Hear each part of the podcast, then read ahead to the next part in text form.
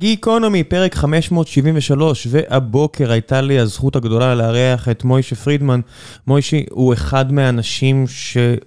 עם התרומה הכי משמעותית, לעניות דעתי, כרגע לכלכלה ולעתיד של מדינת ישראל, עם קמא-טק שלו, הוא מנסה לשלב חרדים וחרדיות בשוק העבודה, בעיקר בעולמות הטק, או רק בעולמות הטק. זה מדובר גם על זרוע של הכשרות, וגם על זרוע של אה, עידוד יזמות חרדית, חברות כמו אלמנטור ואחרות, הוא משקיע שם ומעודד אותם.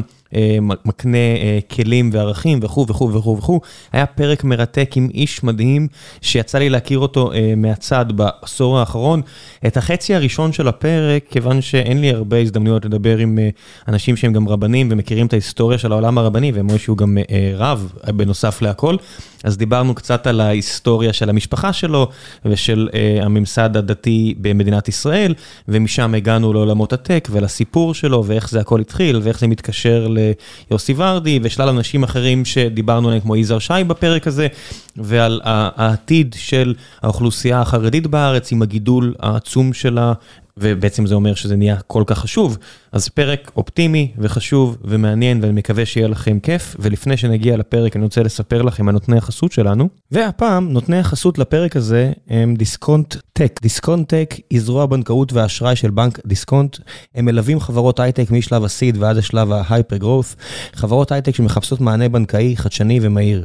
האמונה שלהם היא שבשלב הנוכחי של השוק, כשהייטק, לפחות פה בישראל, יתבגר מאוד, ואיתו גם היזמים שיודעים לבנות חברות משמעותיות, לא חברות קטנות שרק מגייסות ומחפשות אה, למכור, אלא חברות שרוצות לבנות עסקים אמיתיים וגדולים, כחלק מהתבגרות השוק, ודיסקונט-טק מאפשרת לחברות האלה לשלב בין כמה צורות של מימון, וברגע שכבר הגעתם לשלב העיני של revenue, אפשר לגוון כאמור את אפשרויות המימון ולשלב בין מימון equity, זאת אומרת להנפיק ולמכור מניות, למימון בחוב.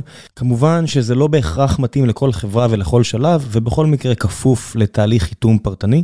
ויתרה מכך, הם גם מציינים ואומרים שהם רואים שבשוק האמריקאי חברות שמשלבות במימון equity וחוב, לעיתים קרובות, גם זוכות לוולואציות גבוהות יותר. אחד הדברים שמייחדים אותם, ובאמת הופכים את ההצעה הזאת להרבה יותר נחמדה, זה העובדה שבדיסקונט-טק אתם מקבלים personal portfolio manager, זה אדם שמציע שירותי בוטיק ייחודיים ואישיים לכל חברה. אותו אדם מלווה את החברה באופן אישי בכל שלבי הצמיחה. כמי שנתקל בכל כך הרבה קשיים עם הבנקאים והבנקים בארץ, אני יכול להגיד לכם שזה יופי של דבר, ובהחלט משהו שכדאי לכם לבדוק. וכיוון שעדיין מדובר על חוב והלוואות, מן הסתם חשוב לומר שאי עמידה בפירעון ההלוואה עלול לגרור חיוב בריבית פיגורים והליכי הוצאה לפועל, כי גם הייטק זה עדיין ביזנס. ועכשיו, לפרק.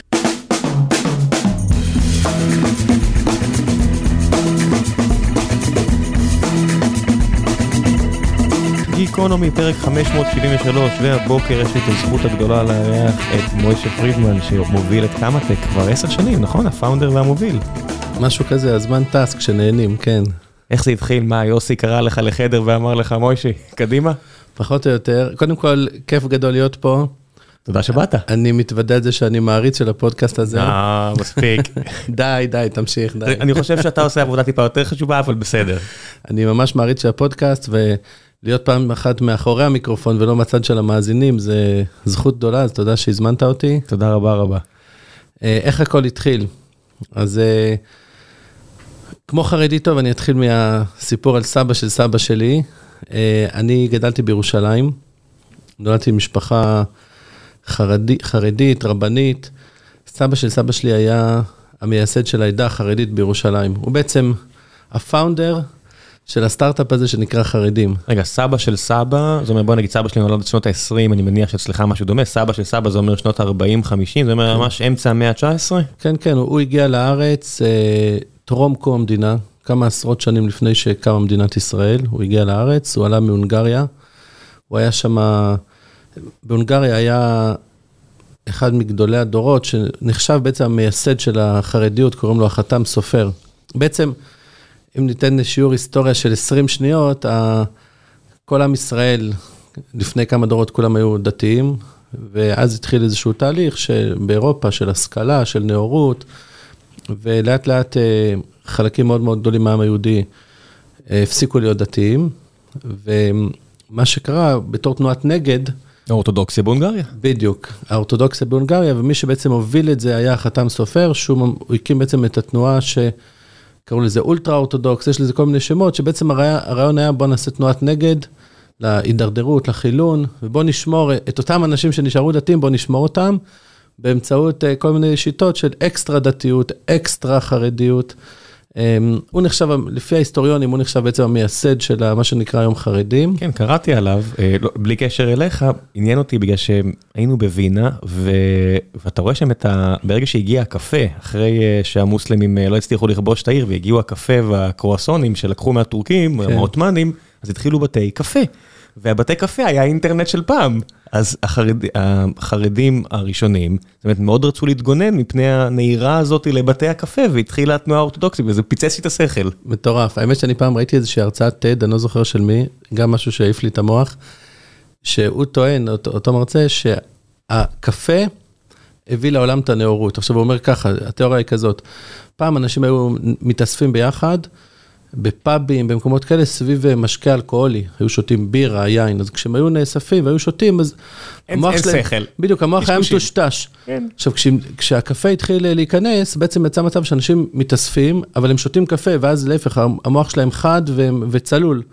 והמצב הזה שאנשים מתאספים ביחד ושותים קפה, זה מה שהתחיל להוליד רעיונות, והשכלה, ונאורות, ומדע, ואותו מרצה טוען, הקפה הביא לעולם את הנאורות. תשמע, זה לא צחוק שאתה רואה באזור הזה של וינה, כל כך הרבה חדשנות, וכל כך הרבה עניין אנושי בכל התחומים האפשריים. הרבה יהודים שיצאו מגטאות, הגיעו לאותם בתי קפה, חזרו הביתה, יצאו, נשארו, חזרו, ואתה רואה באמת, זה עשה משהו, בניגוד ל... נגיד בעולם המוסלמי שהתחיל, התפשט נורא חשיש, ואתה רואה כמה הם נלחמו בזה, כי זה עשה בדיוק את האפקט ההפוך. כן, כן. זה נורא מעניין, האפקט הזה שבין ממריץ לבין מרדים. מאוד מעניין, כן, זה שווה לעשות לזה מחקר בפני עצמו.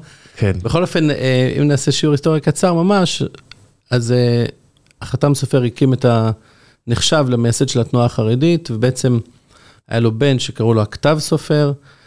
הם היו מגדולי הרבנים באירופה באותם דורות, והסבא של סבא שלי, קראו לו רבי יוסף חיים זונפלד, הוא היה תלמיד שלהם. ובתור בחור צעיר, תלמיד שלהם, הוא החליט שהוא עולה לארץ ישראל, היה לו איזה מין חלום כזה, זה היה הרבה לפני קום המדינה, ועלה לארץ, התיישב בירושלים. רגע, לפני שאתה ממשיך פה, מבחינה הלכתית, הוא קיבל את ברכת הדרך אז, לעלות לארץ ישראל? כן, כן, היו הרבה מאוד רבנים וצדיקים ששאפו לארץ ישראל, חלמו על ארץ ישראל, כל, כל הדורות, כולם חלמו על ארץ ישראל. אבל מהרבה סיבות נשארו בגלות באירופה מהרבה סיבות, אבל תמיד גדולי ישראל שאפו וחלמו להגיע לארץ ישראל. בוא נגיד, אחד מענקי הדורות האחרונים היה גאון מווילנה לפני 300 שנה, אז יש סיפור שלם שהוא רצה לעלות לארץ ישראל, ניסה לעלות, באיזשהו שלב הוא התחרט, הוא חזר חזרה, אבל היו הרבה מאוד גלי עלייה של תלמידי הגאון מווילנה והרבה מאוד גדולים שעלו לארץ ישראל.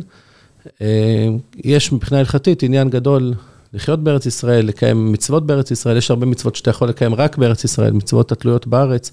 זאת אומרת, כשאתה באירופה, לא משנה, בחו"ל, יש חלק מאוד גדול מהתורה והמצוות שאתה בכלל לא יכול לקיים שם. כל המצוות שקשורות לאדמה, לתרומות, מעשרות, שמיטה וכל הדברים האלה, כי זה רק קשור לאדמת ארץ ישראל. אז יש עניין להיות בארץ ישראל, והוא עלה לארץ ישראל, אבל אז זה היה עדיין תופעה די...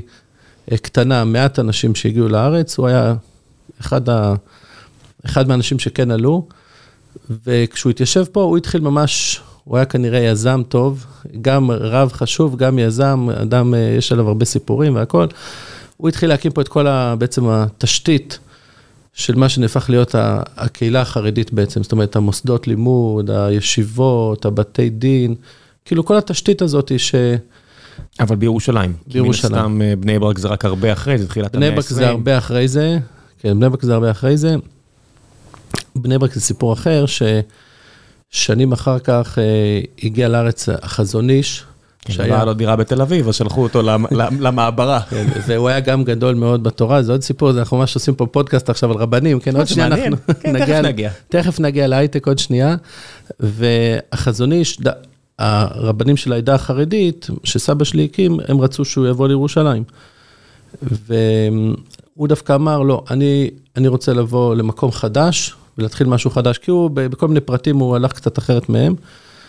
והוא דווקא חיפש יישוב כאילו צעיר וחדש כדי להתחיל שם איזשהו מהלך חדש, והוא מצא את בני ברק, שבאותו זמן זה היה ממש כפר כזה קטן. כן, קראתי עליו, ממש היה מדהים לראות שהוא חיפש מקום צנוע בתל אביב, אבל אז דירה וחצי בתל אביב לא הייתה אפשרית, אז הוא פשוט הלך למקום עוד יותר חדש, וזה, אתה יודע, אתה כן. ממש רואה יזמות. הוא בהתחלה באמת גר בתל אביב, ונראה לי כמה שבועות כן. איכשהו.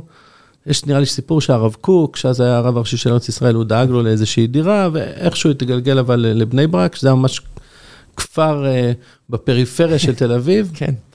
ושם הוא הקים את בני ברק ואת כל ה... הוא עשה את זה לפי המודל של אה, מה שסבא שלך כן. וסבא שלו עשו בירושלים? אז אה, היו כל מיני הבדלים, בוא נגיד, זה היה חרדיות כבר גרסה 2. מה ההבדל? למשל, סתם, נגיד העדה החרדית, הם דיברו רק יידיש. הם אה, לא, לא רצו אפילו לדבר עברית, הם חשבו שכבר עברית, זה כבר קשור לציונות וכבר קשור... הם רצו ממש להישאר בול כמו שאבותיהם היו, אז אפילו בשפה, רצו רק לדבר יידיש. והחזון איש אמר, לא, אנחנו נדבר עברית, למה שלא נדבר עברית? אז אפילו בדברים כאלה, המון המון הבדלים שאפשר לומר שהם הלכו בקו אידיאולוגי מאוד מאוד אה, בלתי מתפשר, והחזון איש כבר בנה קו יותר אה, פרגמטי. זה עשה צרות לרב קוק ולמוסדות הרבניים בארץ? לגמרי, כן, כאילו, הסבא של סבא שלי, הרב זונפלד, הוא והרב קוק נחשבים אה, ברי פלוגתא מאוד גדולים, זאת אומרת, הרב קוק בעצם... ייסד את הזרם הציוני-דתי, וסבא שלי ייסד את הזרם החרדי, והם היו ברי פלוגתא, זאת אומרת, מאוד העריכו אחד את השני והכירו אחד את השני, ושתיהם היו גדולים בתורה. דיונים טובים. כן, אבל כל אחד הלך ל... יצר בעצם זרם אחר.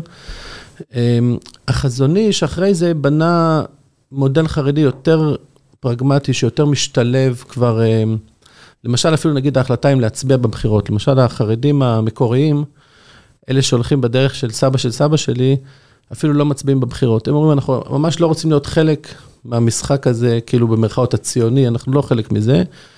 הם היו בקו אידיאולוגי מאוד מאוד אה, קשוח, אפשר לומר, והחזון איש אמר, לא, אנחנו נהיה חלק מהמדינה, אנחנו נשתלב במדינה, אנחנו נצביע בבחירות, אנחנו ניכנס לפוליטיקה. כן, יש את השיחות שלו המפורסמות שלו עם בן גוריון, ויש את כל הסיפורים האלה. כן, כן, כן, בהחלט, וזה...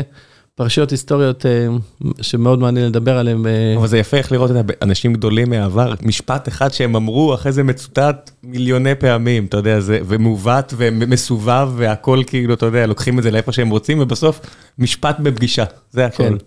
האמת שזה מדהים, לפעמים, אני גם חושב על זה הרבה פעמים, שלפעמים משפט שאתה אומר לבן אדם, או לפעמים אני פוגש אנשים, אומרים לי, בגללך עשיתי ככה וככה, מה פירוש בגללי? כי פעם שאלתי אותך, התייעצתי איתך, אמרתי לו איזה משפט, וזה פתאום, אני מגלה שזה השפיע לו על כל החיים. כי לפעמים אתה אומר משפט למישהו, אפילו אתה לא שם לב, וזה יכול במקרה אחד להשפיע על חיים של בן אדם, או אפילו על חיים של הרבה בני אדם. ו... חיים צריך... במוות ביד הלשון, אתה יודע. נכון, וצריך לשים לב בכל מה שעושים. ו... אבל לא צריך להיות זהירים מדי גם, כי אתה יודע, בסופו של דבר אנשים יש אה, בכל זאת אה, בחירה מודעת ו...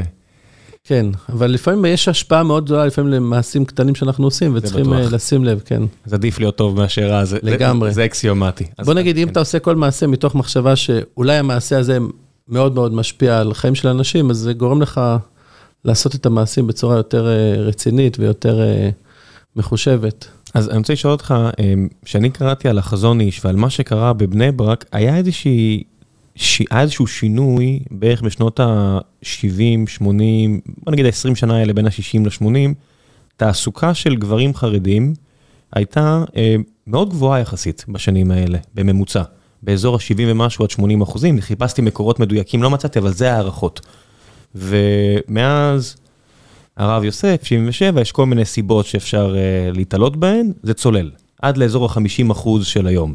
ואז מגיעים אנשים כמוך ומנסים להרים אנשים למקומות, לא מה זה להרים, לשנות, לא, לא נגיד להרים, כן, להוריד, אז... אבל מה קרה בשנים האלה ואיך זה משתקף למשל בקהילות שאתה מכיר בירושלים? אז זהו, אז א', אה, אני לא יודע אם אני המומחה הכי גדול כדי לענות על השאלות האלה, בדיוק על התהליך ההיסטורי ומה קרה בכל עשור. מה שאתה מכיר, מה שאתה רואה מהזווית שלך. אמ, אבל כן, אה, אני חושב שבמידה מסוימת בדור, בדור, השניים הראשונים של המדינה, עדיין כאילו, זאת אומרת, היו, היו חרדים, אבל הקהילה הזאת של בני הישיבות ולימוד תורה, זה יחסית היה מצומצם, ולאט לאט זה הלך וגדל. אה, שוב, זה גם באמת סיפור של יזמות. קמו יזמים טובים, הקימו ישיבות, ו... זאת אומרת, יש הרבה מאוד אנשים שחושבים שלהקים את התורה, להעמיד ישיבות, זה הדבר הכי חשוב בעולם, ואני גם אישית, אגב, חושב ככה, ובהחלט ראו לעצמם שליחות, זאת אומרת, להרבות תורה בעם ישראל, להעמיד עוד ישיבות, יש הרבה סיפורים, הרב מפונוביץ' שהקים את ישיבת פונוביץ', שקמו לה, שנהפכה לישיבה ענקית וקמו לה הרבה שלוחות, ו... זה כמו, אתה יודע, כזה סטארט-אפ שנולדים ממנו אחרי זה עוד סטארט-אפ. כן, הרבה העתיקו, בסופו של דבר הוא, הוא, הוא, הוא עשה את המודל הזה של הלימוד חכמים בהיקף גדול, נקרא לזה. כן, זה כבר אז... לא חיידר קטן בליטא או בהונגריה, אלא מפעל. כן, אז לאט לאט זה צמח, ושוב, יש הרבה, אני יודע שהרבה היסטוריונים מסבירים למה זה פתאום צמח, מכל מיני סיבות, ואני באמת לא רואה את עצמי כמומחה להסביר. לא, אני רק שואל איך זה נראה מבעד לעיניים שלך, כי אתה כבר חי בתקופות האלה, אתה מילד כן. לבגרות, ואתה רואה את השינוי הרי. אבל בהחלט, בוא נגיד, אפילו אני רואה, בוא נגיד, במשפחה שלי, סבא שלי, אבא של אבא שלי, שהוא היה נכד של הרב זונפלד, הוא היה סוחר, זאת אומרת, הוא אדם ש... הוא היה סוחר של אתרוגים, היה לו הרבה קרקעות, הוא גידל אתרוגים, והוא מכר אה, אתרוגים בארץ ובחו"ל, ודברים מהסוג הזה. וכמה אבל... זמן היה לו בתקופה כזאת ללימוד תורה? זאת אומרת, אה, היחס הזה בין, בין מה, עבודה ללימוד תורה, זה היה הגיוני אז? אז הוא קבע עיתים לתורה, אבל זה מה שנקרא בשפה שלנו בעלי בת, כאילו בעל הבית, זאת אומרת, אדם שהוא עוסק אה, בפרנסה וקובע עיתים לתורה. הוא היה כאילו יהודי מאוד ככה שורשי וככה עסיסי, עם חוכמה יהודית נפלאה, אבל רוב זמנו הוא היה סוחר, הוא התעסק במסחר. ו... זאת אומרת, זה רק סוף שבוע, רק שבת אפשר להתפנות ללימוד תורה? או כל יום לומדים כמה, אולי שעה, שעתיים ביום, אתה יודע, בבית כנסת אתה מתפלל, אחרי זה יש נגיד בין מנחה למעריב, יש איזה שיעור, כל אחד מוצא זמן לקבוע עיתים לתורה, אבל רוב זמנו היה במסחר. אמ, זה סבא שלי. לעומת כן, אבא שלי כבר, זאת אומרת, הבן של סבא שלי, הוא כבר הלך לישיבת פונוביץ', ולמד שם, ונהפך לתלמיד חכם, ולרב, ולראש כולל, לא משנה, הוא כבר, כאילו הקריירה שלו זה כבר קריירה של אה, רבנית אה, תורנית. ומבחינת הסבא, זה, זה הישג עצום שהוא הצליח להביא למצב שהוא יכול לשלוח את הילד, להתרכז בתורה, אני מניח. בדיוק, הוא היה מאוד גאה בו, וגאה בזה שיש לו בן אה, תלמיד חכם ורב והכול. אז אפילו אני רואה אצלי, זאת אומרת, הנה הסבא, אדם שעבד, אבא שלי כבר בעצם היה אברך ולמד תורה. אה, אני חושב שהישיבות גדלו, האתוס הזה של הישיבות אה, צמח, ושל התלמידי חכמים והישיבות.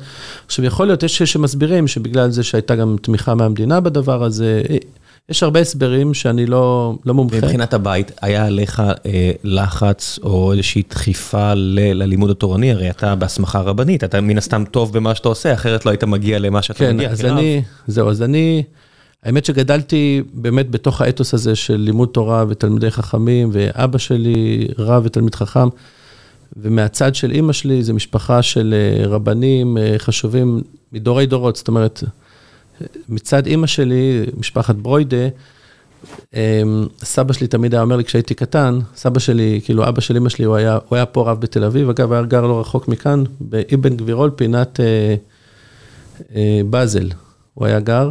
יש שם את הקונסוליה המצרית. במקרה אני אה, אה, כמה עשרות מטרים משם, אז אני מכיר. אז שם סבא שלי היה גר, אבן גבירול, פינת באזל, הבית הבא זה הקונסוליה המצרית, ושם הוא היה גר, בתור ילדים היינו באים הרבה לסבא שלי, הוא היה רב, היה לו פה בית כנסת, הוא היה דיין בבית דין הגדול בירושלים, הוא היה רב חשוב, ותמיד הוא היה אומר לי, אנחנו נצר ל-42 דורות של רבנים, ברציפות. מהצד של המשפחה. יש לך איפשהו את השמות? זאת אומרת, יש לך ממש שמות של הרבה? יש איזושהי מגילת יוחסין של איזה 15-16 דורות אחורה, אבל הוא תמיד אומר, יש לנו מסורת, לא יודע, ככה אבא שלו אמר לו, סבא שלו, נצר ל-42 דורות של רבנים. אתה מבין ש-42 זה בדיוק בערך הרמב"ם. זאת אומרת, אם 25 שנה כפול 40 זה, זה הרמב"ם. זה מטורף, זה הולך, זה הולך הרבה מאוד אחורה, והוא אומר לי, תמיד הוא היה אומר, גם בתור כזה קטע חינוכי, אל, אל אה, תקלקל את השרשרת, כאילו. כאילו, אתה, אתה חייב להמשיך את, המס, את המורשת הזאת. ובהחלט גדלתי במשפחה, בסביבה, שכאילו ללמוד תורה ולהיות תלמיד חכם ולהיות גדול בתורה, זה הדבר הכי חשוב, לזה אתה שואף, על זה אתה חולם. רגע, שאלה אחרונה אחרונה לפני שאנחנו נגיע להייטק, אני מבטיח. נגיע להייטק, ויש הרבה סיפורי הייטק מאוד מעניינים. יש לנו זמן כן. ונגיע להייטק. כשאתה גדל בבית כזה מיוחס, יש גם אה, לחץ ללמוד את הספרים שהגיעו דווקא מהאילן יוחסין שלך, לעומת ספרים אחרים? הרי אני בטוח שיש שם חידושים כאלה ואחרים, ובסוף ברי פלוגתא כאלה ואחרים אולי לא מסכים, אז באמת יש לחץ לאיזושהי אידיאולוגיה הלכתית? ברור שכן, זאת אומרת, לא בהכרח האידיאולוגיה כאילו המשפחתית, אבל כאילו הקהילה, כן. התפיסה, בוא נגיד, זה נקרא זרם הליטאי, תלמידי הגאון מווילנה, זה איזה סוג של זרם מסוים, שבהחלט, אה, כאילו, כל אלה שנמצאים בתוך העולם הזה, תופסים את זה בתור העולם הכי אליטיסטי, התורה הכי כאילו נכונה, כאילו... הפרשנות הנכונה. הפרשנות הנכונה ביותר, המסורת הנכונה ביותר, וכאילו, בעולם שאני גדלתי, בעולם הישיבות, אז כאילו הגאון מווילנה זה בעצם הכוכב הצפון. כאילו, מה שהגאון מווילנה עשה, זה... זאת אומרת, יש הרמב"ם בישיבה, אבל אומרים לך, עדיף שלא תסתכל. אז גם הרמב"ם, אז כאילו, יש איזו תפיסה שהגאון מווילנה זה יותר טוב מהרמב"ם. כן, זה מה שאני מכיר. כן. כי גם הגאון מווילנה, בדברים מסוימים, זאת אומרת, כולם מכירים בגדלות האדירה והעצומה של הרמב"ם, ברור, אין ספק. אבל הגאון מווילנה היה לו גם פה ושם ביקורות גם על התפיסה של הרמב"ם. הרמב"ם היה לו תפיסה יותר רציונליסטית, פילוסופית ו... יותר מחוברת לעולם הגדול יותר, ובעוד בווילנה זה היה יותר, בוא נתמקד פנימה מאשר... כן, אצל הגאון מווילנה זה היה כבר יותר קבלה, מיסטיקה, כן, כן. ושוב, זה באמת, כולם ענקי העולם, ומי אנחנו, אני ממש מרגיש שגרגיר חול. אתה היה מתפלפל ועדיין חושב על הדברים האלה. אני אפילו לא, לא יודע אם אני ראוי לדבר על הגאון מווילנה והרמב"ם, אבל ברור שהם היו ענקים, אבל... במורשת שאני גדלתי, בכלל, אני חושב היום בעולם הישיבות בארץ, ה, כאילו הגאון מווילנה זה כוכב הצפון, וכל מי שהולך בדרך של הגאון מווילנה, זה בעצם הדרך הכי ישרה ונכונה. יש עדיין את התפיסה הזו, זאת אומרת, שיוצא לדבר עם אה, אנשים אה, חרדים מאוד מאמינים, אז הרבה פעמים, אחת התפיסות שמנחות אותם זה הולך ופוחד דור. זאת אומרת, עוד מימי התנ"ך, עוד מה... מהחטאים הגדולים ואנשים ששרדו את החטאים הגדולים, הולך ופוחד דור. חד וחלק, כן. אתה, זה... אתה גם מרגיש שזה ככה? זאת אומרת, זה חלק מהאמונה? יש תפיסה, זה מאוד מעניין שזה... זה מאוד אנטי-יזמי. בדיוק, נכון. זה אנטי-יזמי וזה אנטי-התפיסה שבעולם הגדול, בעולם החילוני, המדעי, אנחנו רק הולכים ומשתפרים כל הזמן. כן, גם. איינשטיין היה חכם, אבל עכשיו אנחנו יודעים יותר. בדיוק, כאילו כל הזמן אנחנו מוסיפים יותר כן. ויותר, ומה שאנחנו יודעים היום, לאף אחד לא ידע לפני 100 שנה, ו... כן. זאת אומרת, אנחנו הולכים במגמת שיפור כל הזמן.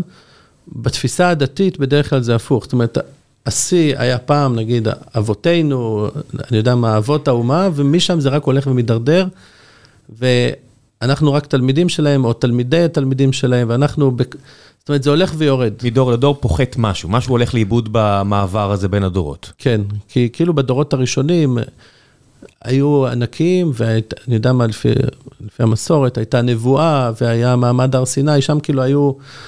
אה, הגילויים הכי הכי גדולים, ואנחנו רק מקבלים את זה בעצם דרך שרשרת של אנשים, וככל שאתה מקבל את זה דרך שרשרת של אנשים, אתה מקבל פחות ופחות ופחות.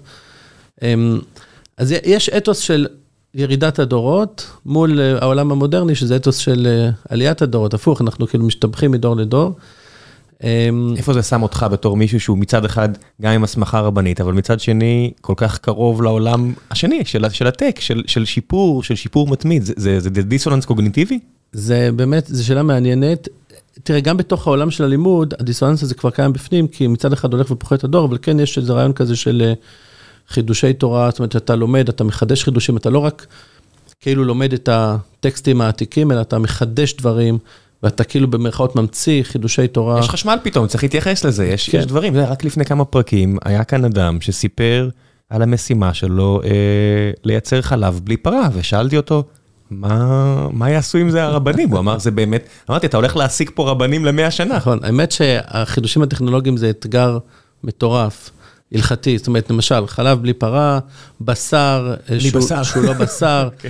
רכב אוטונומי, סתם דוגמא, דברים אוטונומיים, בשבת, מותר, אסור. פתרתם את זה כבר עם, עם, עם מעלית uh, שבת. הרי יש מעלית שבת, יש uh, פלטות שבת, יש פתרונות. בדיוק, עכשיו מה יקרה כשהכול יהיה רובוטים, הכל יהיה מכוניות אוטונומיות, הכל יהיה רובוטים, אז בעצם יהיה אפשר לעשות הכל בשבת, כן, לא. מה קורה, אני הייתי פעם עם איזה יזם הייטק, ביקרנו איזשהו אדמו"ר אחד, נפטר כבר אותו אדמו"ר, זיכרונו לברכה, ו... היזם הייטק אמר לו שעוד מעט יוכלו כבר להזיז דברים בכוח המחשבה. אתה רק תחשוב ותוכל להזיז דברים בעולם. אז הוא שאל את אותו אדמו"ר, מה יקרה בשבת אם אני אתחיל לחשוב, להדליק את החשמל, לכבות את החשמל? אני רק חושב על זה, אני לא... מותר, אסור. ברור שהדברים האלה מייצרים הרבה מאוד שאלות מעניינות, ויש הרבה מקום גם לחידושי תורה. אה, אז כאילו גם בעולם הדתי אתה מצד אחד הדורות הולכים ופוחתים, מצד שני אתה כן מחדש ומוסיף. שלא נגמור כמו מגדל בבל, אה? אתה יודע שאם אתה מעמיס יותר מדי אה, בעיות על ההלכה, היא פותרת את הסיפור הזה, אבל אה, בסדר. כן, זה, זה באמת, זה סתירה מאוד מעניינת.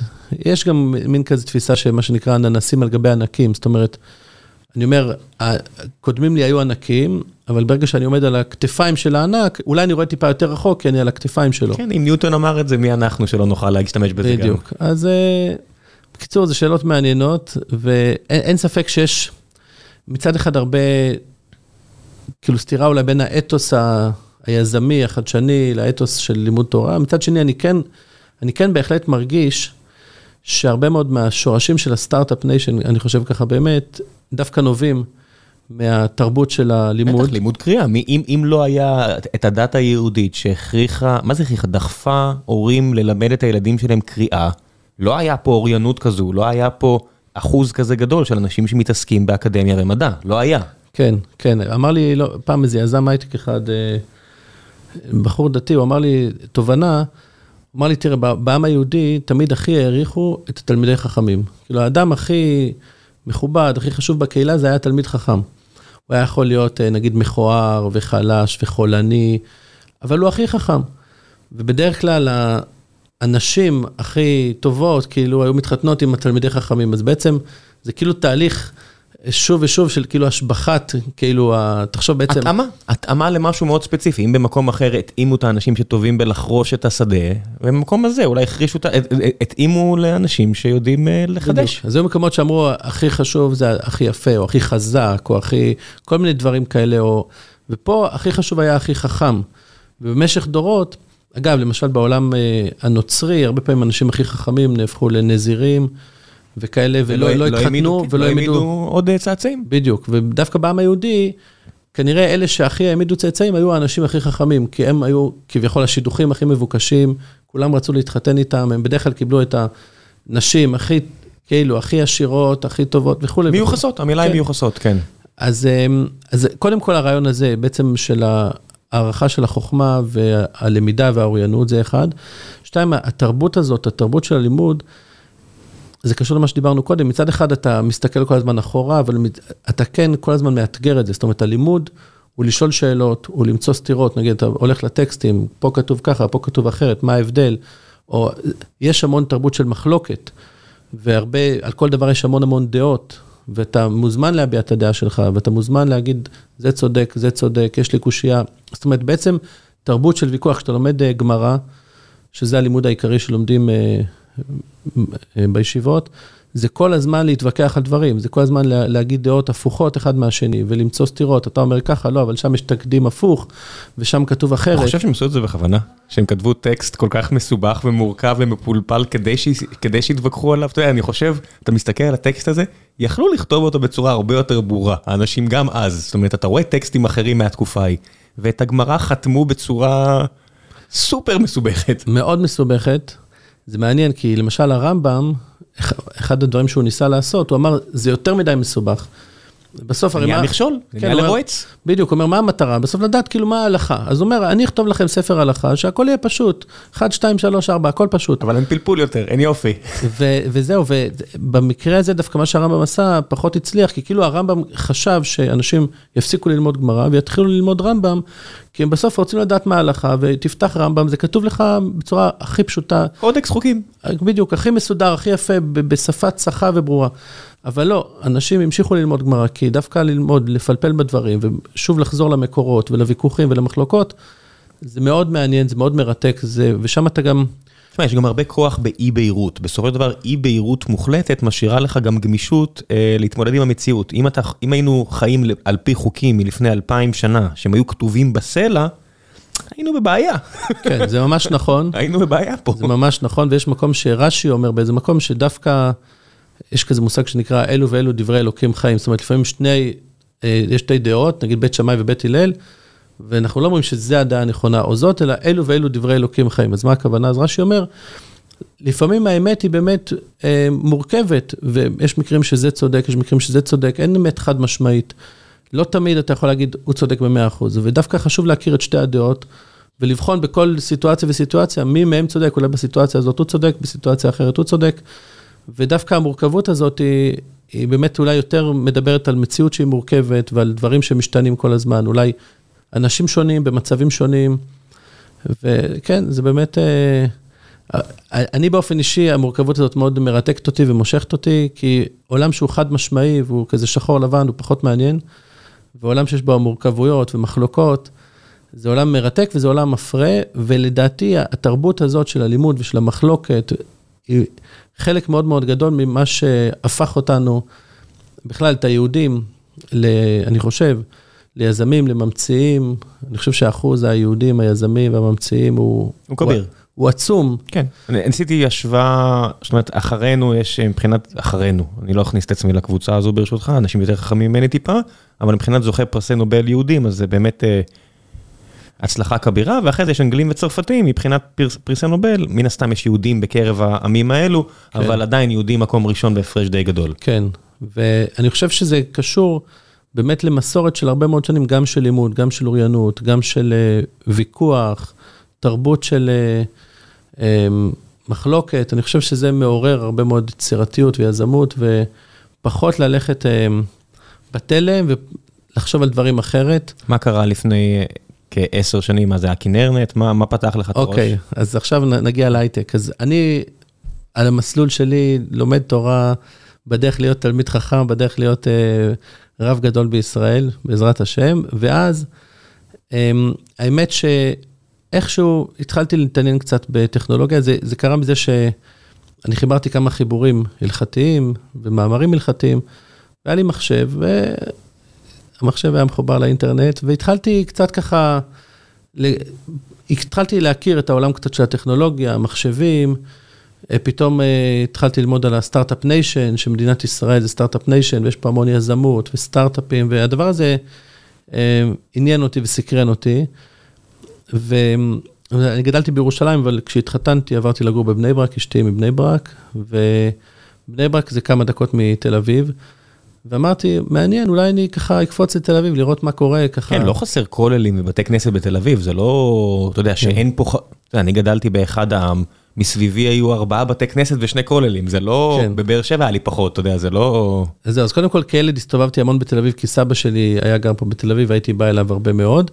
אבל מעבר לזה, אפילו אמרתי, אני אלך לשמוע איזה הרצאה, איזה meetup, אה, אני זוכר שהיה מקום שקראו לו ה Junction. כן. שעדן שוחט הקים את זה. כן. והיה שם כל מיני הרצאות על טכנולוגיה, ואמרתי, מעניין, אני אלך לשמוע, סתם יום אחד אחרי צהריים, בערב. והתחלתי ככה פה ושם ללכת לשמוע, וה, והתחום הזה של היזמות והחדשנות מאוד מאוד uh, ריתק אותי וסקרן אותי, ואמרתי, יש פה משהו שהוא באמת מדהים. זאת אומרת, היכולת גם של היום, של בן אדם לשבת בגראז' ולבנות איזה משהו, ופשוט לשנות את העולם, לא משנה באיזה תחום. אתה לא צריך אה, לא אדמות ולא הון ולא צבא של אנשים, אתה יכול לשבת עם עצמך באיזה גראז' קטן ולעשות משהו שישנה את העולם. כל הדברים האלה יעזרו, אבל הם לא תנאי הכרחי נקרא לזה. בהחלט. כן. וזה די הדהים אותי, ויותר ויותר התחלתי ככה לנסות להבין וללמוד על העולם של היזמות והחדשנות. אמ, כאילו, אני בעצם אברך שלומד תורה, וככה מהצד מתעניין בזה. היית צריך להשלים אה, השכלה כדי לסגור פערים, רק כדי לנהל את השיחות, או לשבת בשיחות, או להבין? זאת אומרת, אני מניח שפה ומונחים וכאלה? אז כן, אז תראה, אני למדתי כחרדי, לא למדתי לימודי ליבה, ובעצם אה, לא למדתי, לא, כאילו בבית ספר לא למדתי אנגלית, לא למדתי מתמטיקה. נחשפת לאנגלית בכלל כחרדי? אמ, אז האמת יש פה סיפור די מעניין, שסבא של סבא שלי, הוא נלחם נגד לימודי אנגלית. זאת אומרת, הוא בעצם, המלחמה של החרדים נגד לימודי ליבה, זה תודות לסבא של סבא שלי, הוא, הרב זונפלד, אה, זיכרונו לברכה, הוא נלחם נגד זה מאוד, והוא חשב שאם... מתוך הרצון להתבדל. להתבדל. כאילו, הוא אמר, אם הילדים החרדים בעצם ילכו לבתי ספר, שילמדו מדעים, השכלה, שפות, זרות והכל, אז הם, הם כאילו בעצם יקבלו המון המון השפעה זרה והם יפסיקו... למרות שאבא של סבא זה כבר בתקופה שיש אוכלוסייה חרדית מאוד גדולה בניו יורק. זה לא שזה לא קיים שיותר שמה מאשר בירושלים, שחיים אה, בניו יורק מאשר בירושלים, זאת אומרת זה כן. קיים, והם חיים חיים חרדים טובים, וזה לא, אה, זה יהודים אורתודוקסים, זה לא רפורמים. כן, אז קודם כל גם שם היה תופעה מאוד חזקה של אה, חילון. הוא... בסופו של דבר, הוא חשב שצריך להבין רגע את התפיסה של אד... רב חרדי, או אותו אדם, כמו סבא של סבא שלי, הוא אומר, הדבר שהכי חשוב בעיניי, זה לשמור על המסורת היהודית ולשמור על המורשת הזאת, זה הכי חשוב. ואני אעשה הכל כדי לשמור על זה. זאת אומרת, זה חשוב יותר מכל דבר אחר, כמו סתם נגיד, תגיד, מישהו אומר, אה, הכי חשוב לי לשמור על ביטחון המדינה, ואני אעשה כל מה שצריך כדי לשמור על ביטחון המדינה. קודם כל, זה הפריוריטי מספר אחד שלי. אז מבחינתם, פריוריטי מספר אחד זה לשמור על המורשת היהודית ועל המסורת היהודית. וכל דבר, עכשיו יכול להיות שיש מחירים, יכול להיות שכשאתה עושה את זה, לכל דבר יש מחיר בעולם. יש מחיר, אבל הם אומרים, שווה לי לשלם את המחיר, כי הפריוריטי העליון שלי הוא לשמור על המורשת הזאת, על המסורת הזאת, בטח כשהם באים בתפיסה שהעולם הדתי הולך ומצטמצם. זאת אומרת, אה, הם באים מתוך עולם... שפעם היה 100 אחוז, 100 אחוז מהיהודים היו אה, מאמינים ועובדי אה, תורה, וזה הולך ויורד. ועובדי השם, ופתאום רק כן. אה, 90 אחוז נגיד נהיו חילונים. אז הם אומרים, את אלה שנשארו, בואו נשמור עליהם. וזה פריוריטי מספר אחד, ולכן הוא בזמנו קיבל את ההחלטה, בואו לא נלמד לימודי ליבה, בואו לא נלמד את הילדים אנגלית, ויכול להיות שיש לזה מחירים, אני מוכן לשלם את המחירים. עכשיו, אני, כשאני הייתי ילד, רציתי ללמוד אנגלית. ו... למה? אני לא יודע למה, אני לא יודע בדיוק להסביר את זה. מה משך אותך בזה? אני, אני לא יודע ממש להסביר. האמת שכילד היה לי גם התעניינות באנגלית, גם התעניינות במחשבים, ואמרתי לאבא שלי, אני רוצה ללמוד מחשבים, אנגלית, אני, כשהייתי ילד, אני היום בן 43, כן, אז כשהייתי ילד זה היה די ההתחלה של... כן, אנחנו בערך באותו גיל, אני זוכר, כן. כן. וזה ממש עניין אותי. אז ככה, אז עם המחשבים, היה לנו איזה שכן שגר כמה בניינים לידינו, שהוא היה לא חרדי, אלא דתי-לאומי. אה, קוראים לזה אצלנו מזרוחניק, כאילו דתי-לאומי, והוא היה בצבא, הוא היה בחיל האוויר, והוא היה מתכנת. ואיכשהו ככה היה שכן ברחוב, אז אמרתי לאבא שלי, אולי הוא ילמד אותי קצת מחשבים. אז אבא שלי אמר, אוקיי, תלך. ואין בעיה עם הערבוב, הרי אבא שלך כבר רב, כבר תלמיד חכם, זאת אומרת, הוא לא מפחד שעצם החשיפה אולי אה, תדיח אותך מהעולם, או תיקח אותך למקומות לא טובים? כן, אז אבא שלי... שמח אה, עליך? הוא אדם מאוד, הוא כן אדם פתוח, זאת אומרת, הוא כן אמר, אוקיי, מעניין אותך, תנסה, תתנסה בזה, כאילו לא, לא גדלתי בסביבה מאוד מאוד קשוחה של כאילו זה אסור. אלא, אבל יש כאלו בבני ברק. יש כאלו, אבל כשאני גדלתי, משפחה מאוד מאוד חרדית, אבל עדיין אבא שלי אמר, בכיף, תלך תלמד. והלכתי אליו, הוא לימד אותנו, אותי ועוד ילד אחר, פסקל, זו הייתה איזו שפה, ו... והתחיל יותר ויותר לעניין אותי, ואז אמרתי, אני רוצה גם ללמוד אנגלית. אמרתי לאבא שלי, אני צריך ללמוד אנגלית. ואבא שלי אמר לי, אבל אסור, כי הסבא שלנו אסר אה, ללמוד אנגלית. אמרתי לו, אבל אני ממש ממש רוצה. ואז אבא שלי, וזה יפה מאוד, הוא הלך לרב אלישיב, בזמנו הרב אלישיב היה גדול הדור. כן. אה, כאילו הרב הכי גדול אה, בעולם. הלך אל הרב אלישיב ואמר לו, הבן שלי רוצה ללמוד אנגלית, אבל אנחנו נכדים של הרב זונפלד, שהוא אסר את הלימודי אנגלית. אז הרב אלישיב אמר ככה, אמר, תראה, מה שהרב זונפלד אסר לימודי אנגלית, הוא אסר בצורה ממסדית. זאת אומרת, הוא לא רצה שיהיה בבתי ספר לימודי אנגלית ודברים כאלה. אבל ילד אחד שרוצה ללמוד אנגלית ממורה פרטי, אין בעיה, אין בזה איסור. אז הרב אלישיב נתן לאבא שלי את ההיתר ללמד אותי אנגלית. לא רק אותך. כן, נכון. למעשה הוא נתן היתר לכל ילד שאם יש לו גישה ללמוד לא דרך ממוסדת, תפאדל. נכון, נכון, אמת. זה משהו שידוע? זה משהו שמוכר, הפסיקה הזו? אני לא יודע כמה זה מוכר, אני כן יודע שיש הרבה ילדים וכאלה בחוגים, אה, זאת אומרת, לא בתוך הממסד, זאת אומרת, לא בתוך הבתי ספר, אבל חוגים של אחרי צהריים ודברים כאלה. זאת אומרת, כל עוד זה לא ממוסד, זה בסדר. כן, זה מה שאז הרב אלישיב אמר לאבא שלי, וזה באמת, אני הלכתי ללמוד אנגלית. אני לא יכול להגיד לך שלמדתי אצל, אצל איזה מורה פרטי, וזה כאילו היה איזה תקופה, זה אולי נתן לי את היסודות, פתאום ידעתי מה זה ABC, מה זה כללי הדקדוק. בסוף ו... פסקל, אתה יודע, נראית כמו, כמו לכתוב באנגלית, זה לא כמו שפות אחרות, בפסקל אתה ממש כותב מילים באנגלית. כן, נכון. והאמת, באיזשהו שלב שהפסיק לעניין אותי, התחילו לעניין אותי דברים אחרים, לשחק כדורסל אחרי זה יותר עניין אותי, אבל אמ, היה, אני אומר כאילו אחרי צהריים, כאילו בזמן הפנאי, אז בהתחלה עניין אותי מחשבים, אחרי זה עניין אותי, אני יודע מה, ספורט, דברים כאלה, אבל בעצם, כן, אפשר להגיד שטעמתי מזה קצת כילד, כאילו גם מהאנגלית, גם מהמחשבים, זה נתן לי איזושהי טעימה. נטמן הזרע. יכול להיות, יש מצב, יכול להיות. ואז מה שקורה, כשאני בסביבות גיל 30 ואני יושב ולומד תורה ואברך, התחלתי להתעניין בתחום של היזמות והכול, התחלתי לנסוע קצת לתל אביב, לקצת כנסים ואירועים, לשמוע הרצאות, ויותר ויותר הנושא הזה מעניין אותי. ויום אחד אני אומר לאח שלי, יש לי אני הבכור במשפחה, אנחנו שבעה ילדים, לאחי הצעיר ממני, אני אומר לו, אה, מנחם, בוא נלך נקים סטארט-אפ, בוא ננסה. עכשיו, באמת זה היה out of the blue, כאילו באמת היינו שני ילדים חרדים, ילדים צעירים חרדים, בלי שום, אה, ידע פורמלי, כאילו לא למדנו, אתה יודע, לא היינו בצבא ב-8200 ולא היינו בשום אוניברסיטה, לא ידענו שום דבר, אבל מאוד, כאילו ריגש אותי העניין הזה של יזמות, אמרתי, זה מעניין, זה מרגש, אני רוצה לנסות להקים סטארט-אפ. בתור, כאילו בתור איזו התנסות כזאת, בוא ננסה.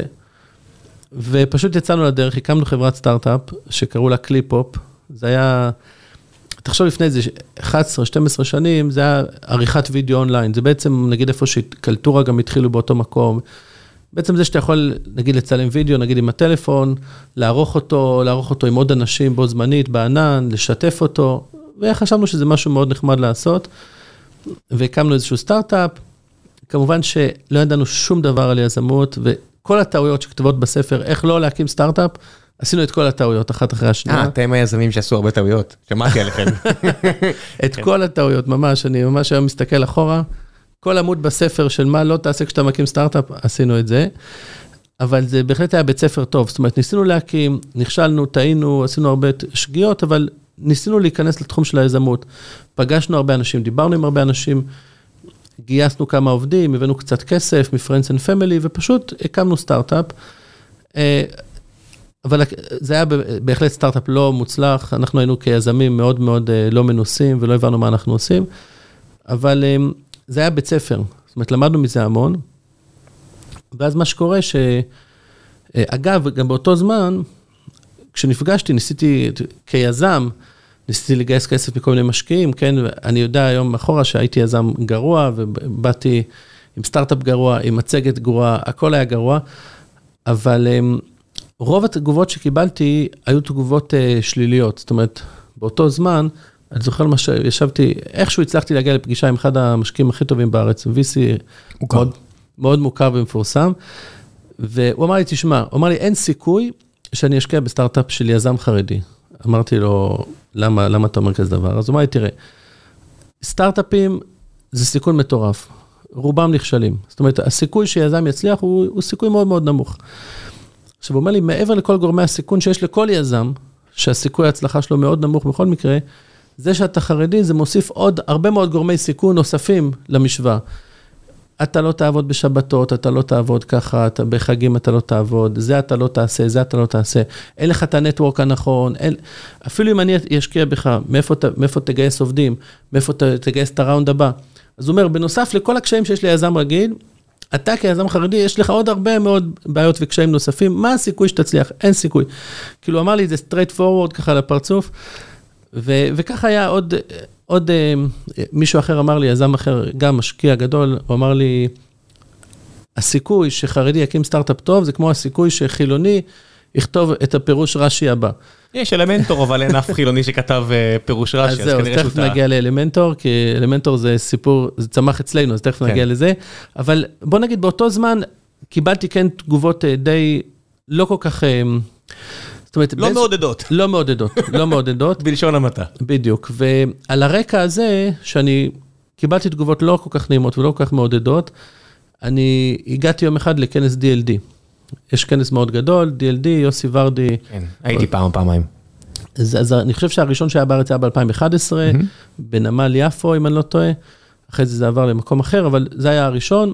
ושמעתי שיש כנס מאוד גדול, שמעתי שיש יוסי ורדי, שיש כזה בן אדם, מאוד מעניין. אמרתי, אני הולך לראות מה קורה שם, הייתי סקרן.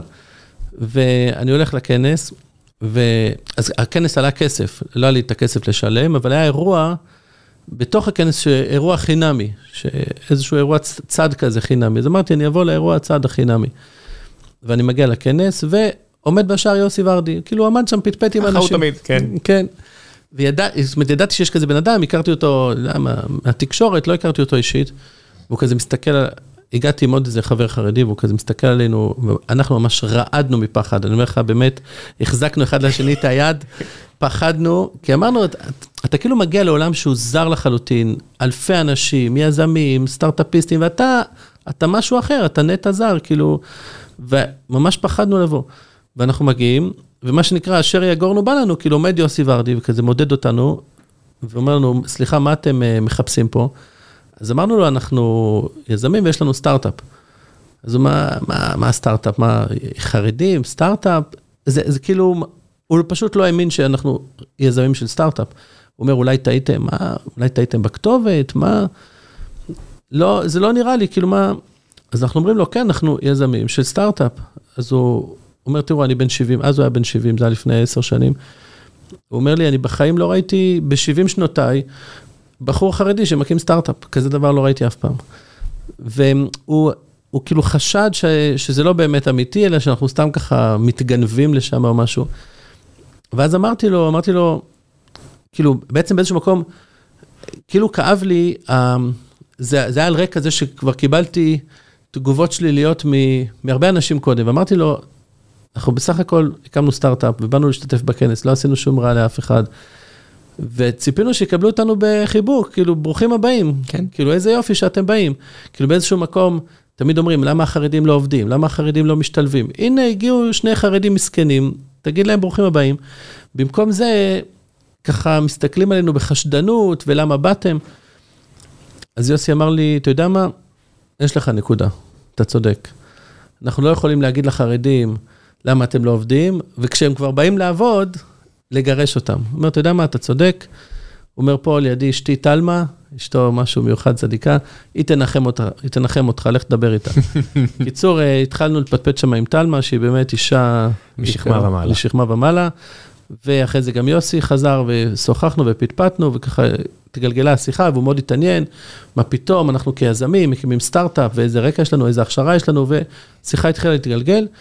ואז יוסי, יוסי אומר, אמ, מה אתם עושים? סיפרנו לו מה אנחנו עושים. הוא אומר, תראו, הסטארט-אפ הזה, לא נראה לי שזה הדבר הגדול הבא, והוא באמת צדק, זה נכון, אבל זה שאתם חרדים, שמנסים להקים סטארט-אפ, זה הסטארט-אפ.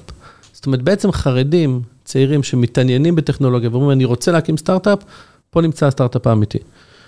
והוא אמר, הסטארט-אפ שלכם פחות מעניין אותי, אבל אם תרצו לעשות משהו בתחום של לחבר את החרדים להייטק, אני אעזור לכם. ואני חושב שממש השיחה הזאת, הקצרה, עם יוסי ורדי, זה בעצם היה נקודת המפנה. אם זה עוזר לך, באותה ש... אני חושב שבאותו אירוע שנקרא מידי לידרס, אני חושב שאני ודורון הנחינו אותו, ואני חושב שבאתי ליוסי בסוף האירוע הזה, וביקשתי ממנו שיהיה אה, ב application שלי, לימודי מנהל עסקים בשיקגו, שהוא יהיה הממליץ שלי. כי כבר עשיתי את העמותה ביחד איתו והכל, והוא אמר לי, מה אתה צריך ללמוד? אתה רוצה ללמוד, קח כסף, תלך עם השני, תביאו רעיון, תקימו עסק. זה, זה לימודי מנהל עסקים. אמרתי לו, טוב, וזה מה שקרה.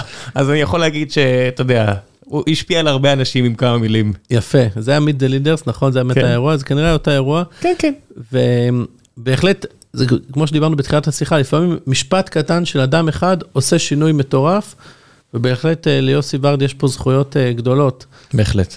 אה, גם בסיפור שלנו של קמא-טק, אני יודע שבהרבה סיפורים יש לו זכויות, אבל גם בסיפור שלנו, המשפט שהוא אמר לי, הוא, הוא ממש פתאום נתן לי את הכיוון. הוא אמר לי, זה מה שאתה צריך לעשות. בקיצור, נתקדם שנייה בסיפור, אז יוסי אמר, זה מה שאתה צריך לעשות. אני, באותו זמן עדיין היה קשה לי להבין, כאילו, מה, אני עכשיו מקים תנועה, אני מקים ארגון, איך אני עושה, מה אני עושה. אבל התחלתי לחשוב על זה. אה, אחר כך חזרתי ליוסי, אמרתי לו, אני רוצה לעשות משהו בעניין, בוא תעזור לי לחשוב מה עושים, איך עושים, ויוסי ואני הלכנו לכמה פגישות, ניסינו קצת ללמוד את, ה, את התחום, כאילו מה אנחנו בעצם יכולים לעשות כדי לעזור לחרדים להשתלב בהייטק. והאמת היא שאני מאוד מאוד רציתי לעזור ליזמים, כאילו אני אמרתי, בוא ניקח יזמים חרדים כמוני, שניסיתי להיות יזם, ניתן להם איזשהו, נבנה איזשהו ecosystem, משהו שיעזור להם, אקסלרטור, חממה, נתמוך בהם, נלווה אותם. ויוסי אמר לי, עזוב, זה לא הכיוון, אנחנו צריכים לעזור לחרדים להיכנס לחברות הגדולות. ברגע שיהיו אלפי חרדים בסיסקו, באינטל, במייקרוסופט, בגוגל, בחברות האלה, זה קודם כל, זה התשתית, זה הבסיס, שילכו לחברות הגדולות, שילמדו לעבוד, שיכירו. זה הסיפור של הייטק בישראל, IBM ואינטל מגיעות ראשונות, משם מגיעים עובדים ראשונים, וזה זרע שנבט. בהחלט, בהחלט. אז הוא אמר, זה מה שצריך להיות, ומשם גם בהמשך יצוצו היזמים, הם יבינו מה קורה בחברות הגדולות, מה הטכנולוגיות, מה הבעיות, מה האתגרים, משם יצוצו גם היזמים, אבל אי אפשר להתחיל מהיזמים. והאמת שבשלב, בגלגול הראשון של קמא-טק, זה מה שעשינו, בעצם הקמנו איזה מין מערך, בעצם מה שקרה, אחרי שעשינו איזשהו מחקר, הבנו שיש כן מספר לא מבוטל של חרדים וחרדיות שלומדים לימודי הייטק בצורה עצמאית. זאת אומרת, פתאום אתה מגלה שבאוניברסיטה הפתוחה יש מאות חרדים שלומדים מדעי המחשב, כל אחד באופן עצמאי עם הסיפור שלו, שבכל מיני מקומות, ג'ון ברייס, פה, שם, HackerU, כל מיני מכללות, אקדמיות, לא אקדמיות, קורסים ארוכים, קורסים קצרים, כל מיני חרדים מתגלגלים לכל מיני מקומות ולומדים, ופתאום עשינו איזשהו מחקר, גילינו שיש כמה אלפים כאלה, של בעצם חרדים וחרדיות, שלמדו תכנות, מדעי המחשב, לא משנה, בכל מיני מסגרות, רובם עשו את זה באופן עצמאי, אבל בעצם כשהם באים לשוק העבודה, מאוד מאוד קשה להם להיכנס. כאילו, אותו חרדי בסוף מנסה, נגיד, להתקבל לגוגל, אין לו שום סיכוי, גם כי... אין תואר אקדמי מאוניברסיטה מוכרת, שזה מאוד חשוב בגוגל, וגם כי... בדיוק. כן.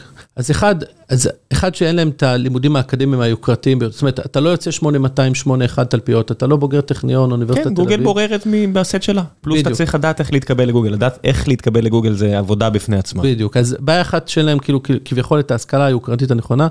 בעיה שנייה, אז אמר לי ורדי, אני לא שוכח את זה, אמר לי, בסוף הרבה מאוד זה חבר מביא חבר. בסוף, מישהו מהיחידה מביא את החבר מהיחידה, או עבדו ביחד בחברה אחרת, או למדו ביחד באוניברסיטה. הוא אומר לחרדים, אין חבר מביא חבר. אין להם את החבר הראשון שיביא את החבר השני. זה... שיסביר מה צריך לעשות, כן? בדיוק.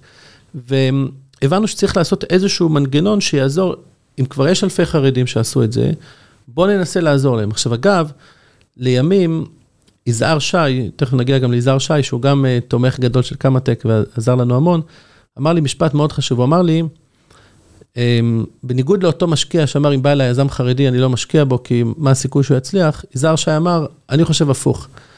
כי אם חרדי כבר עשה את כל הדרך, והוא כאילו באיזשהו מקום שחה נגד הזרם, ולמד טכנולוגיה, והקים סטארט-אפ, והוא כבר מגיע אליי לפגישה, אז הוא כנראה מישהו יוצא דופן. זאת אומרת, הוא כנראה אדם מיוחד, אדם משכמו ומעלה.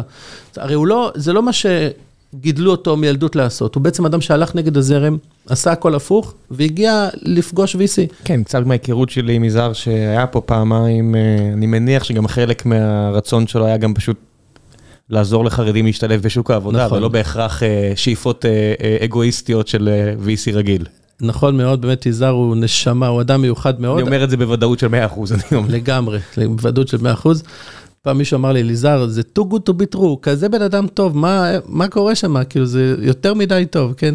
כן, אבל כן, אמ, זה מה שזה, יש מקומות פשוט כמו הפוליטיקה הישראלית ש-too good זה לא, זה לא מעלה, אז אה, בדיוק, כן. ממש ככה, אבל בכל אופן, אה, אז אני אומר שאנחנו בעצם ניסינו לשכנע את החברות הגדולות עם הטיעון הזה, אמרנו להם, אולי החרדי הזה לא למד בטכניון, אולי הוא לא היה ב-8200, אבל אם הוא בכל אופן עשה את כל התהליך ולמד והגיע למצב שהוא בכלל מתראיין, שוב, כדוגמה בגוגל או במייקרוסופט, הוא כנראה אדם יוצא דופן, הוא כנראה משהו מיוחד.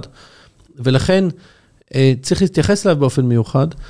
ובעצם בנינו מנגנון, בנינו, אה, בזמנו יוסי הכיר לי, לי מישהי, גם אישה מיוחדת מאוד מאוד, אה, זיקה אבצוק, שהייתה מאוד בכירה עדיין בסיסקו, והיא הובילה באותו זמן פרויקט גדול של סיסקו לשלב ערבים בהייטק, קראו לזה מאנטק.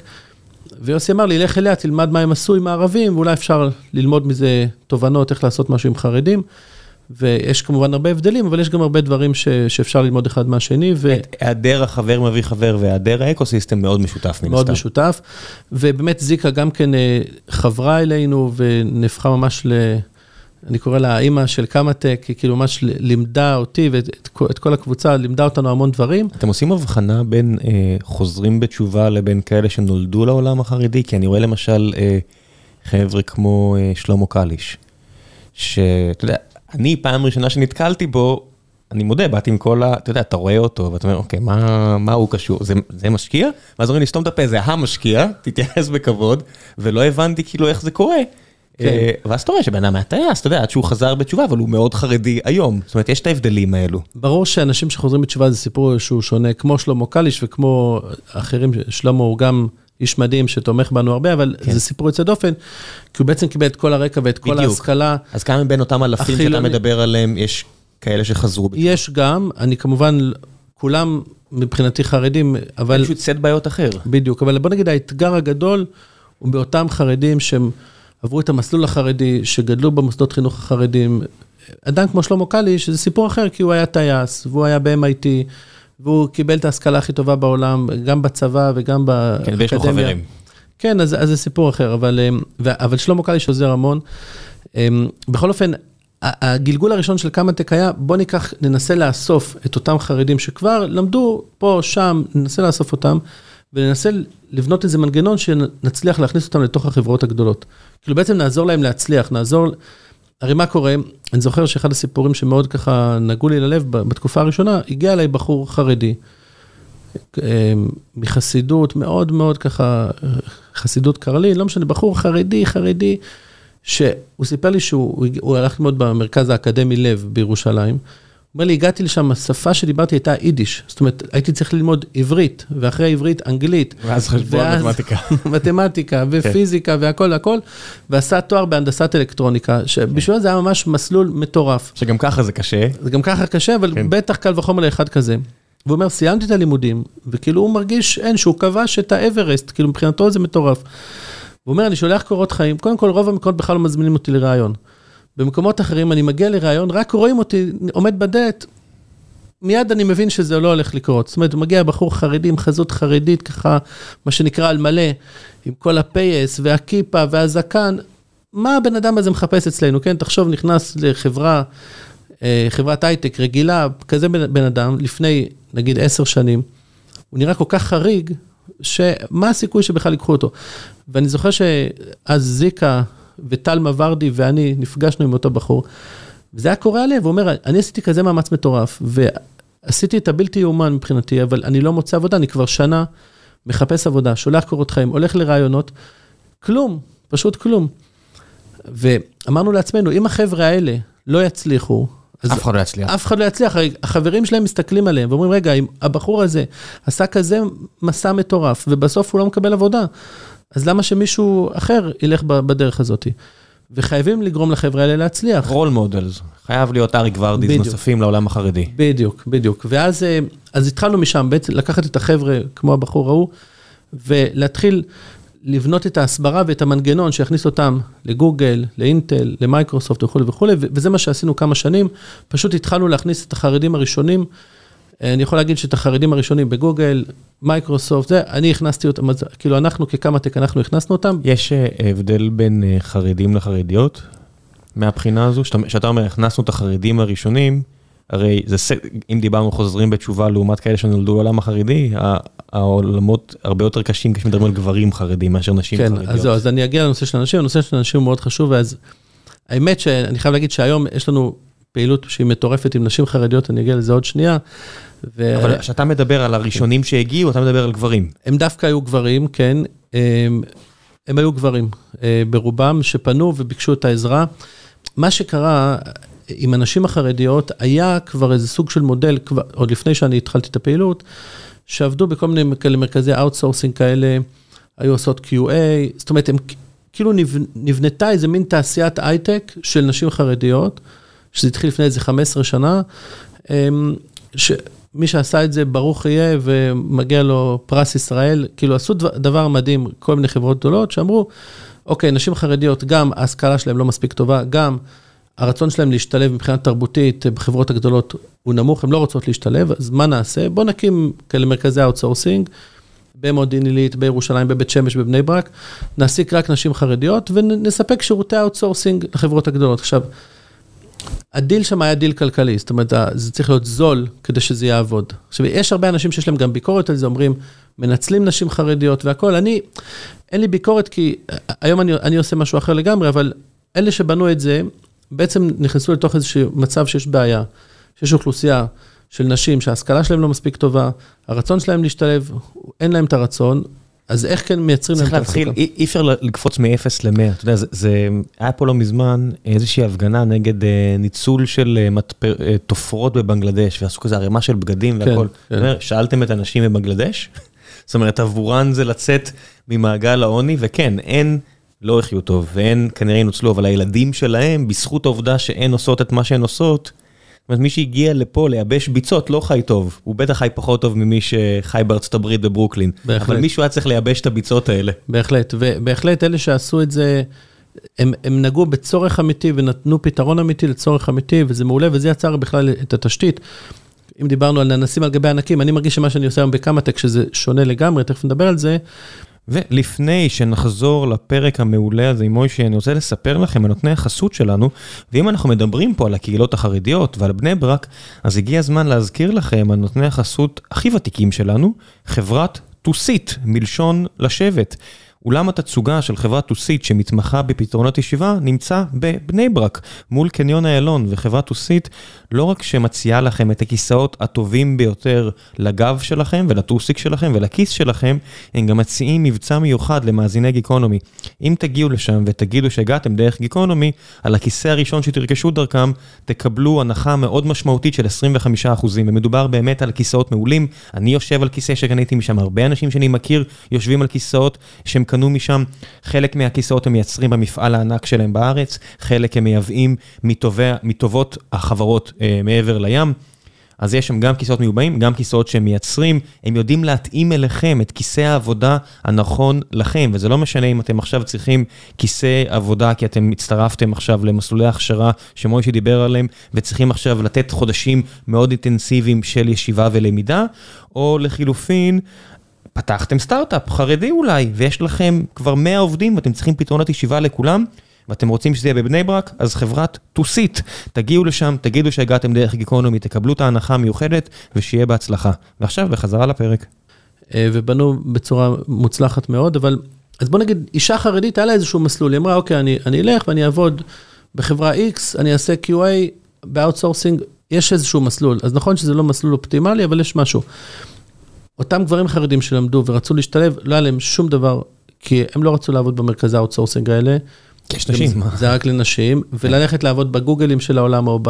היה סגור. היה סגור בפניהם, ופשוט, בוא נגיד, הגל הראשון, הראשונים שעשו את התהליך הזה, בעצם עשו תהליך אישי מאוד מאוד קשה מבחינתם, ואז הגיעו כאילו אל הארץ מובטחת, אל, אל עולם התעסוקה, ושם הם קיבלו סטירת לחי.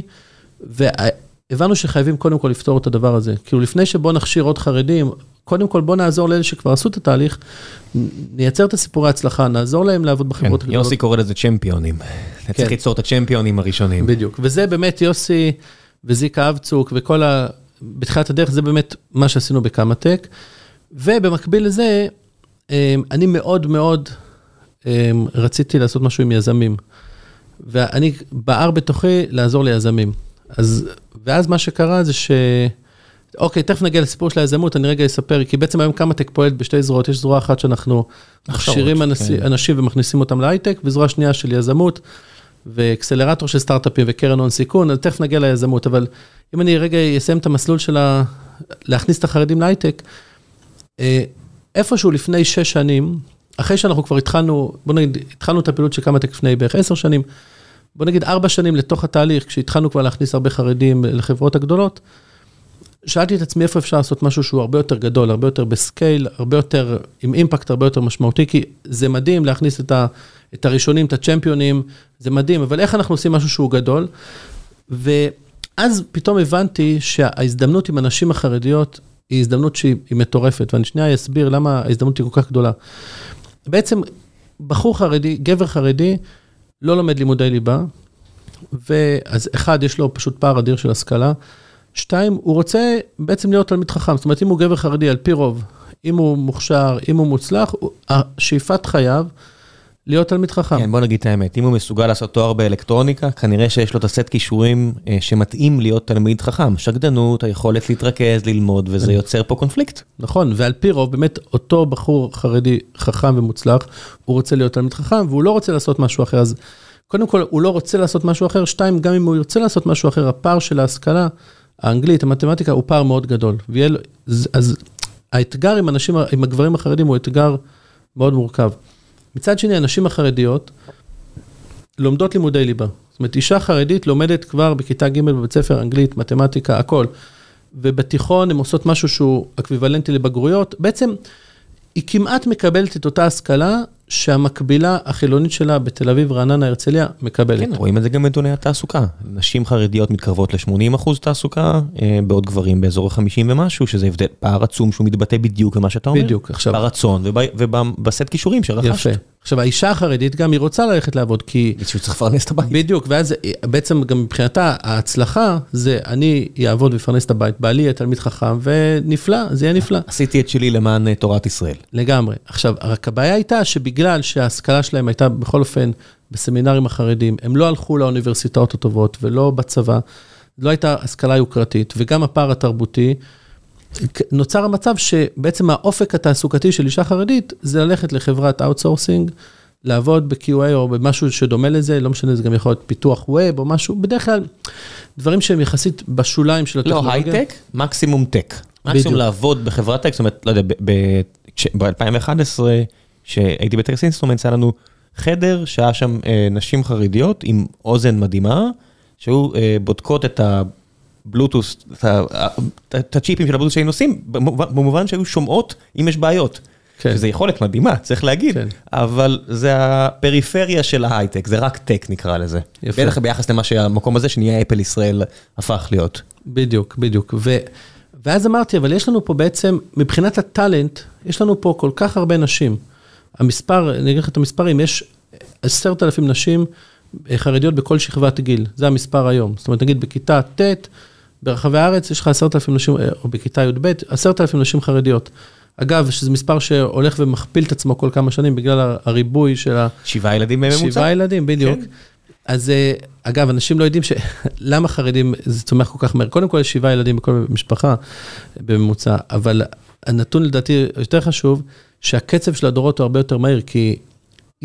בחור חרדי, בן 20 הוא כבר מתחתן, ומת... ו... אני הבאתי את הילד לקראת גיל 40, בחור ב- חרדי בגיל בכלל גיל 20. 20, הוא הוא בגיל 40 כבר יהיה סבא. בדיוק, זאת אומרת, נגיד לאורך 100 שנה, אצל חילונים זה נגיד 2-3 דורות, אצל חרדים זה יהיה 5 דורות. כן. אז זה, זה 7 כפול 5, זאת אומרת, גם מספר הילדים לממוצע וגם הקצב של הדורות, ולכן הצמיחה היא מאוד מהירה. כן, בגלל זה אומרים 2065, 45% מאוכלוסיית ישראל תהיה אה, חרדים. בדיוק, אז, אז המספרים הם, הם אה, מדהימים. לפי- לפי המגמה הנוכחית. לפי המגמה הנוכחית, כן. ברור שדברים יכולים להשתנות, כן. כן. ובכל אופן, מה שקרה זה שפעם פעם יוסי ורדי אמר לי שאנחנו אומרים, חרדים זה איזשהו אתגר במדינת ישראל. זאת אומרת, אם אתה לוקח את המספרים קדימה, זה אתגר עולמי, כי אם זה ממשיך ככה, לך עם המתמטיקה הזאת עוד כמה... אין, אה, למי שלא, למי שלא מבין את הבדיחה פה של יוסי, אין עוד אוכלוסייה בעולם שגדלה כמו חרדים יהודים כיום.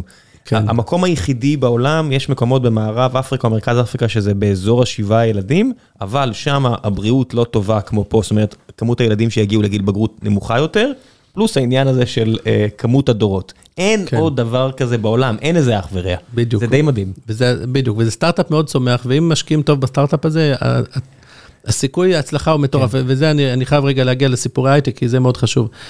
אז אני אמרתי, איך אנחנו עושים משהו עם scale, והבנתי שבנשים החרדיות יש הזדמנות אדירה. יש לנו עשרת אלפים נשים חרדיות בכל שכבת גיל. היום, עוד כמה שנים זה כבר 20 אלף נשים בשכבת גיל. מתוכם היום בערך, אה, בערך אלף בוחרות ללמוד לימודי מחשבים. אלף מתוך עשרת אלפים, זה המספרים היום. זאת אומרת, יש לנו אלף נשים חרדיות שלומדות מחשבים מדי שנה. רק להבין שזה מספר אדיר. כל אה, לומדי, אה, הלומדים באקדמיה במדינת ישראל, במכללות, אוניברסיטאות, מדעי המחשב בשנה זה באזור ה-6,000, 7,000 בשכבת גיל. ופה יש לך עוד אלף, מספר של אלף, שאגב המספר הזה ילך ויגדל, זאת אומרת זה עוד כמה שנים יהיה 2,000. זה מספר שהוא מאוד מאוד משמעותי אפילו ברמת מדינה. בגלל הסיבות שהסברנו קודם, אה, ההשכלה לא מספיק טובה, הפער התרבותי, הן לא באמת מגיעות להייטק, ובאמת ההייטק הישראלי לא באמת נהנה מהם. ואז אמרתי, אגב, הייתה שיחה בכנרנט אצל יוסי ורדי, ועשיתי את השיחה הזאת, אז היה שם מולי עדן מאינטל, ויורם יעקבי ממייקרוסופט. ואמרתי להם, מה אנחנו יכולים לעשות כדי לעשות שינוי דרמטי עם הנשים החרדיות. ואז יורם יעקבי, שאני ממש, יש לו הרבה זכויות, אה, הוא היה מנכ"ל של ה-R&D של מייקרוסופט באותו זמן, הוא אמר לי, תשמע, אותי לא מעניין התואר האקדמי, זה לא מעניין אותי.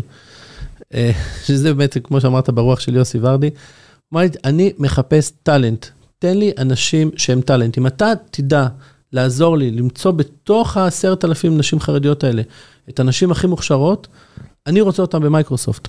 הם כבר ילמדו מה לעשות, אני אתן להם חומרים והם ילמדו. אני רוצה לאתר את הטאלנט. עכשיו, הוא אמר לי, מה קורה? כשבא אליי מישהו מהצבא, אני אומר, הצבא כבר מיין אותו. אם הוא תלפיון, אם הוא 8200, כבר עשו לו מיון. אם הוא בא אליי מהטכניון והוא ממוצע 95, הוא כבר עבר מיונים כדי להיות 95 בטכניון, אז זה כלי ממיין. אני לא יודע בעולם החרדי איך למיין. אם אתה תדע לעזור לי למיין, אני רוצה את הטאלנט הזה. והוא אמר לי, התואר האקדמי פחות מעניין אותי. לא בהכרח כל מה שלומדים בתואר האקדמי זה מה שחשוב.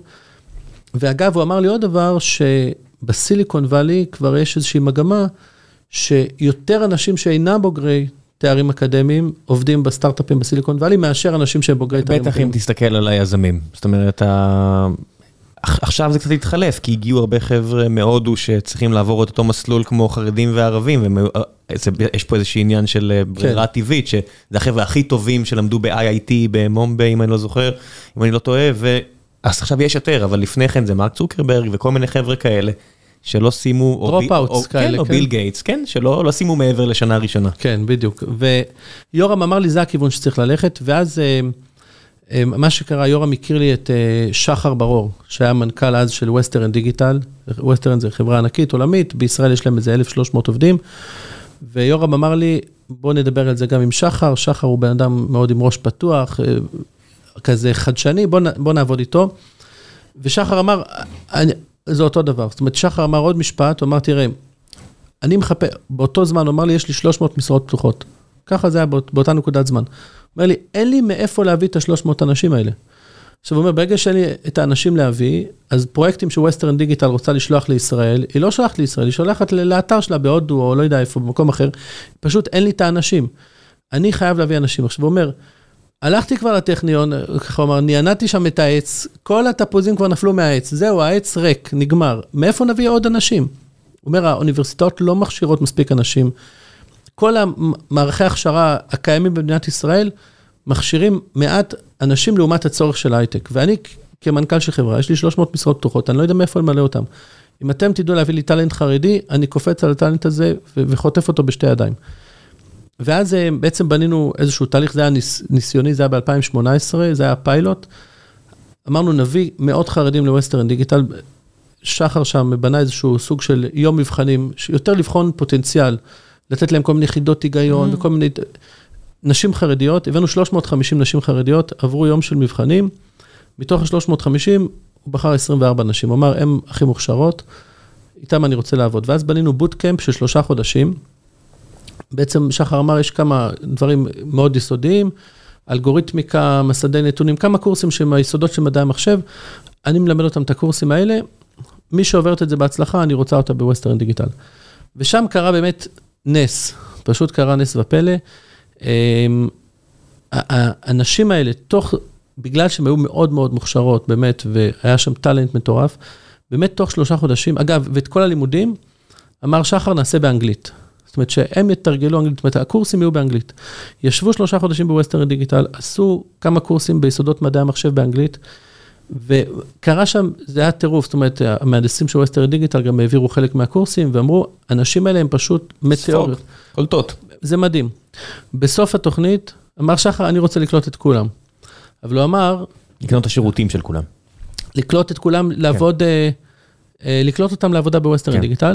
לא, גם לא במודל של outsourcing, הם יהיו עובדות, כן. עובדות ווסטרן דיגיטל, והוא אמר יותר מזה, אבל אני לא רוצה לקחת את כל הטוב הזה רק לעצמי, חשוב לי שעוד חברות יראו את זה, אז עשינו טקס סיום, הזמנו עוד נציגים של חברות, אז קיידנס קלטו כמה, אורקאם קלטו כמה, וווסטרן דיגיטל קלטו כמה, ופתאום הבנו שזה אפשרי, זאת אומרת, אפשר לקחת אישה חרדית, לאתר את הטאלנט, לתת לה אולי עוד איזו השלמה, את ה-last mile כאילו שחסר לה, ולהביא אותה לחברה כמו ווסטרן דיגיטל, חברה בינלאומית, וזה אפשרי.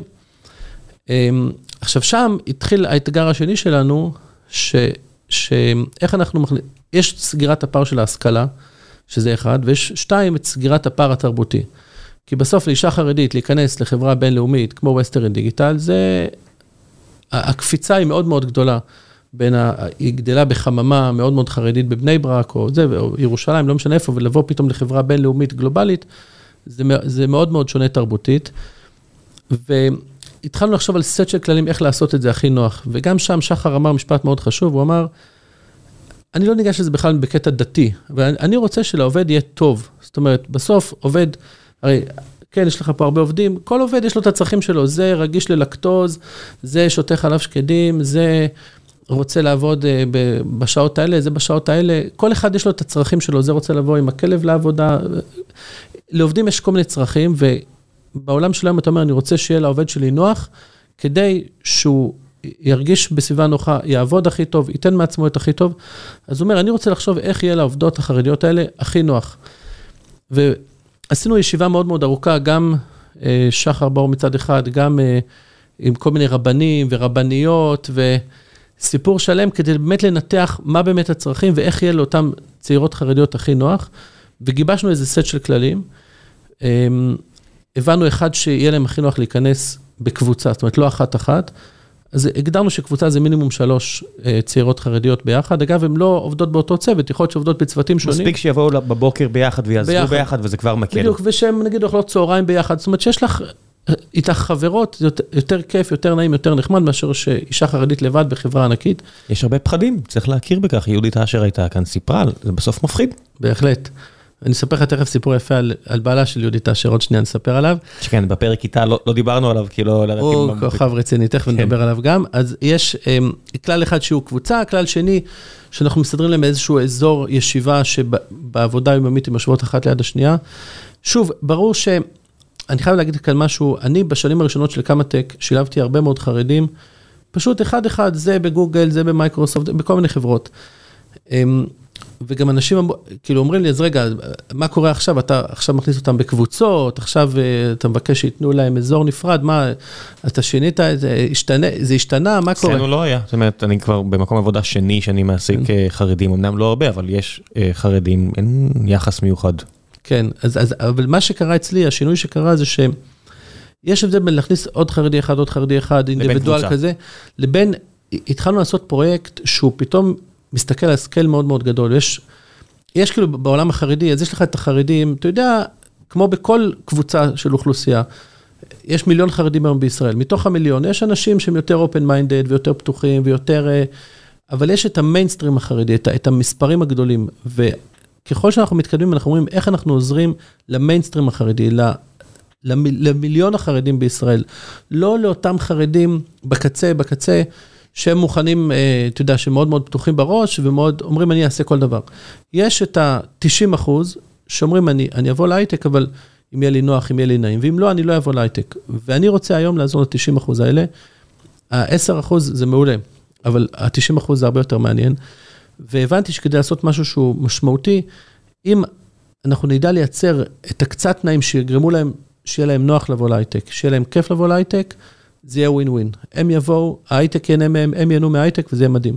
אז מה שקרה, to make a long story short, התחלנו את הפרויקט, אגב, אני חייב להזכיר שבעצם מי שגרם לזה מאוד מאוד להצליח, אה, בעצם כשהחזון הזה התחיל להתרקם, עם יורם יעקבי ועם אה, שחר ברור, אה, יש מישהי חרדית שקוראים לה שרי רוט, שאני הכרתי אותה מהזרוע השנייה של קמא-טק, מהזרוע של הסטארט-אפים, שעוד שנייה נגיע לזה, היא הייתה יזמת והקימה סטארט-אפ אחד וסטארט-אפ שני, תמיד אמרתי לעצמי, זאת היזמת החרדית הכי טובה בישראל. היא תותחית, יזמת, משהו, סוג, סוג היזמים האלה שאין קיר שהם לא יעברו דרכו ואין משימה ש, שהם לא יצליחו בה.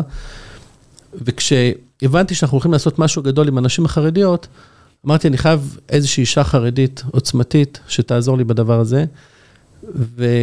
והלכתי לשרי רוט, אמ, אמרתי לה, שרי, אני חייב לשבת איתך לקפה, ישבנו. אמרתי לה, תשמעי, אני בונה פה פרויקט מטורף. זה וזה וזה החזון, אני צריך ש, שתעזרי לי בזה. באותו זמן היא ניהלה סטארט-אפ. היא אמרה לי, זה נשמע באמת שליחות מדהימה, אני מוכן לתת לך 10% מהזמן שלי בהתנדבות בשביל השליחות הזאתי.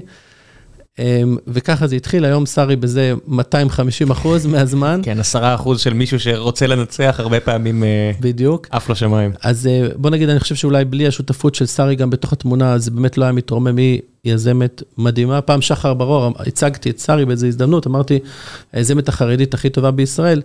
אומר לי, אל תגיד היזמת החרדית הכי טובה בישראל, תגיד היזמת הכי טובה בישראל. בכל אופן, אה, יחד בנינו, עם שחר ברור בנינו את המודל, ו... עכשיו אנחנו כבר חמש שנים אחרי זה, מה שקרה זה, זה לא פחות מ... לא יודע, מהפכה מטורפת. בעצם מה שאנחנו עושים היום, את אותם קורסים שבזמנו שחר ברור אמר שזה חייב, קורסים שהם חייבות ללמוד. אותן 24 ראשונות. כן, אז אמרנו בוא ניקח את הקורסים האלה, נכניס אותם כבר לתוך הסמינרים. זאת אומרת, בעצם התלמידות בסמינר, הן לומדות שנתיים אה, מחשבים, זה נקרא לימודי הנדסאי. אה, 1,300 שעות מקבלות בסוף תעודת הנדסאי. אנחנו, בתוך הסמינר, מציעים לכל התלמידות, הנה עוד כמה קורסים, זה היסודות של מדעי המחשב, קורסים באנגלית, קורסים קשים, תלמדו אותם. מי שתצליח בזה, אנחנו נעזור לה להיכנס לחברה בינלאומית גדולה. היום, במצב הנוכחי, בכל שנה 800 תלמידות ברחבי הארץ, זאת אומרת, מתוך. ה-total addressable, market שלנו, שזה 1,000 בשנה, 800 בשנה כבר לומדות את התוכנית שלנו בתוך הסמינרים, והתוכנית הזאת עוזרת לנו לעשות שתי דברים. דבר ראשון, להשלים להם את הפער של ההשכלה שחסר להם. דבר שני, זה עוזר באמת להבין מי טאלנט ומי לא טאלנט, כי זה לימודים קשים, לא מתאים לכולם. לא מתאים לכולם, והן מקבלות את זה בחינם. הם, הם, הכל ממומן מפילנטרופיה, אה, אמנון שעשוע, תומך ענק שלנו ממובילאיי, ועוד הרבה אנשים אה, צדיקים. כבר מזמן לא רק מובילאיי, אבל כן. נכון, ותכף גם נגיע לאמנון, אה, עוד שנייה לשותפות איתו, אבל אמנון תומך והרבה מאוד אנשים אה, תומכים בנו ברמה הפילנטרופית, ואנחנו עושים את זה, ובעצם נותנים לכל התלמידות בארץ, כל מי שרוצה, זה הקורסים של קמא-טק, בואי תלמדי אותם, גם תקבלי קורסים בחינם. פתוח רק לנשים חרדיות. נשים חרדיות שלומדות את המסלולי ההנדסאים, והן יכולות ללמוד גם את הקורסים שלנו. ואז מה שקורה לאורך השנתיים האלה, הן לומדות לימודי הנדסאים, פלוס הקורסים שלנו. לאט לאט אנחנו מתחילים לבנות פרופיל ולהבין מי הטאלנט, מי יותר טובות, מי פחות טובות, מי יותר מוכשרות, מי עם יותר מוטיבציה, פחות מוטיבציה. אנחנו מלווים אותם לאורך שנתיים. בסוף השנתיים אנחנו היום עומדים במצב שאנחנו מזהים את השלוש מאות הטובות ביותר. זאת אומרת, אנחנו אתה יודע בעצם... שלא כולם יודעים על זה. אתה אומר 800 מאלף, אבל רק לפני מספר שבועות שלח לי הודעה, מאזין, ששומע את הפרקים ומגיעים יזמ, יזמות, יזמים, הוא אומר, אני רוצה שבנותיי ילמדו. והוא שלח לי איזה קורס כזה, אמר לי, תגיד, זה נראה לך טוב או לא טוב? אמרתי לו, מה שחשוב זה המוטיבציה, אם הן באמת רוצות לנצח, זה נראה בסדר גמור. כן. אבל הוא לא הביא את הקורס שלך, הוא לא הכיר את הקורס שלך, אני מאמין. אוקיי, אז- כי גם חינם וגם טוב זה משהו ש... זה חינם וזה טוב וזה מדהים, ותשמע את הנתוני ההצלחה, מה שקורה היום, 300, בעצם מתחילות 800, 300 מסיימות את זה בהצטיינות, את ה-300 האלה אנחנו לוקחים אחרי הסמינר, עושים להם עוד בוטקאמפ של שלושה חודשים, שה bootcamp הוא ביחד עם חברות הייטק, כל רגע, זה bootcamp, פתוח בכל ישראל? בכל ישראל לנשים חרדיות, איפ- איפה לומדים? לומדים מרחוק או לומדים בכיתה? לומדים מרחוק, אוקיי. זאת אומרת, הם, הרוב זה למידה היברידית, לפעמים צריכות לבוא לכיתה, זה בסמינר, איפה לפעמים הכיתה? אצלנו. באותו, בסמינר שלהם, נגיד היא לומדת בסמינר בחיפה או בסמינר ב... זאת אומרת, יש גם בחיפה, יש בצפת, יש כן, בכל כן, מקום? כן, בכל מקום. אה, אוקיי. וכל מאזין שרוצה מוזמן לפנות, זה פתוח בכל מקום, ומתחילות את זה 800 תלמידות כל שנה, 300 מסיימות את זה בהצטיינות, ה-300 האלה נכנסות לעוד שלושה חודשים של bootcamp, יש bootcamp אחד נגיד עם גוגל, השבוע פתחתי bootcamp עם גוגל, שבוע שעבר עם אמזון, מייקרוסופט, ווסטרן דיגיטל, אפלייד מטריאלס, לא, לא אמרת את השם של. יוסי מטיאס, אבל יוסי היה מעורב אצלכם מההתחלה. יוסי מטיאס הצדיק, גם ממש מימי הבראשית, כן. אה, תומך, עוזר. אני זוכר אותו שם מ-2012. ממש ממש מההתחלה, נכון.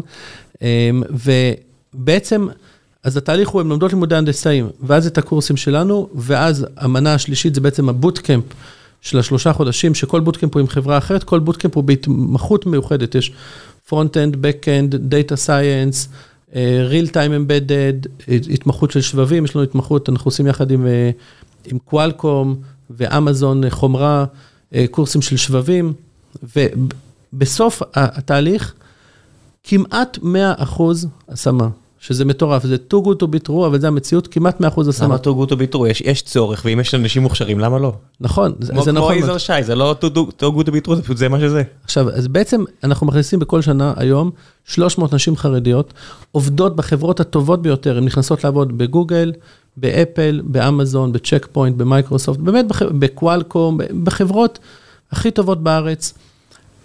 עובדות מן המניין, זה לא outsourcing, זה לא מה שהיה פעם.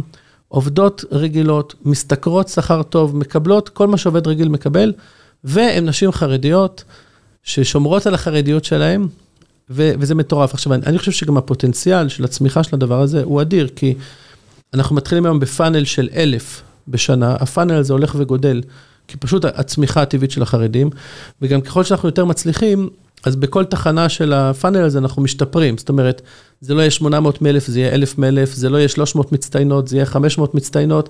לאט לאט הפאנל הזה ילך ויגדל. אני, אני חושב, היום אנחנו מכניסים 300 נשים בשנה לעבוד בחברות הייטק הטובות ביותר, אני בעזרת השם, חושב, אין לי ספק כמעט שעוד כמה שנים זה יהיה אלף בשנה ויותר, ונתח גדול מאוד מהעובדים שנכנסים לתוך ההייטק הישראלי, אה, יהיו חרדים, במקרה הזה חרדיות, וזה היום, אפשר להגיד, אה, פרויקט הדגל שלנו, זאת אומרת, בשנים הקודמות זה היה, אוקיי, תעזור לאחד הזה, לאחד הזה. זה משתנה מבין היישובים?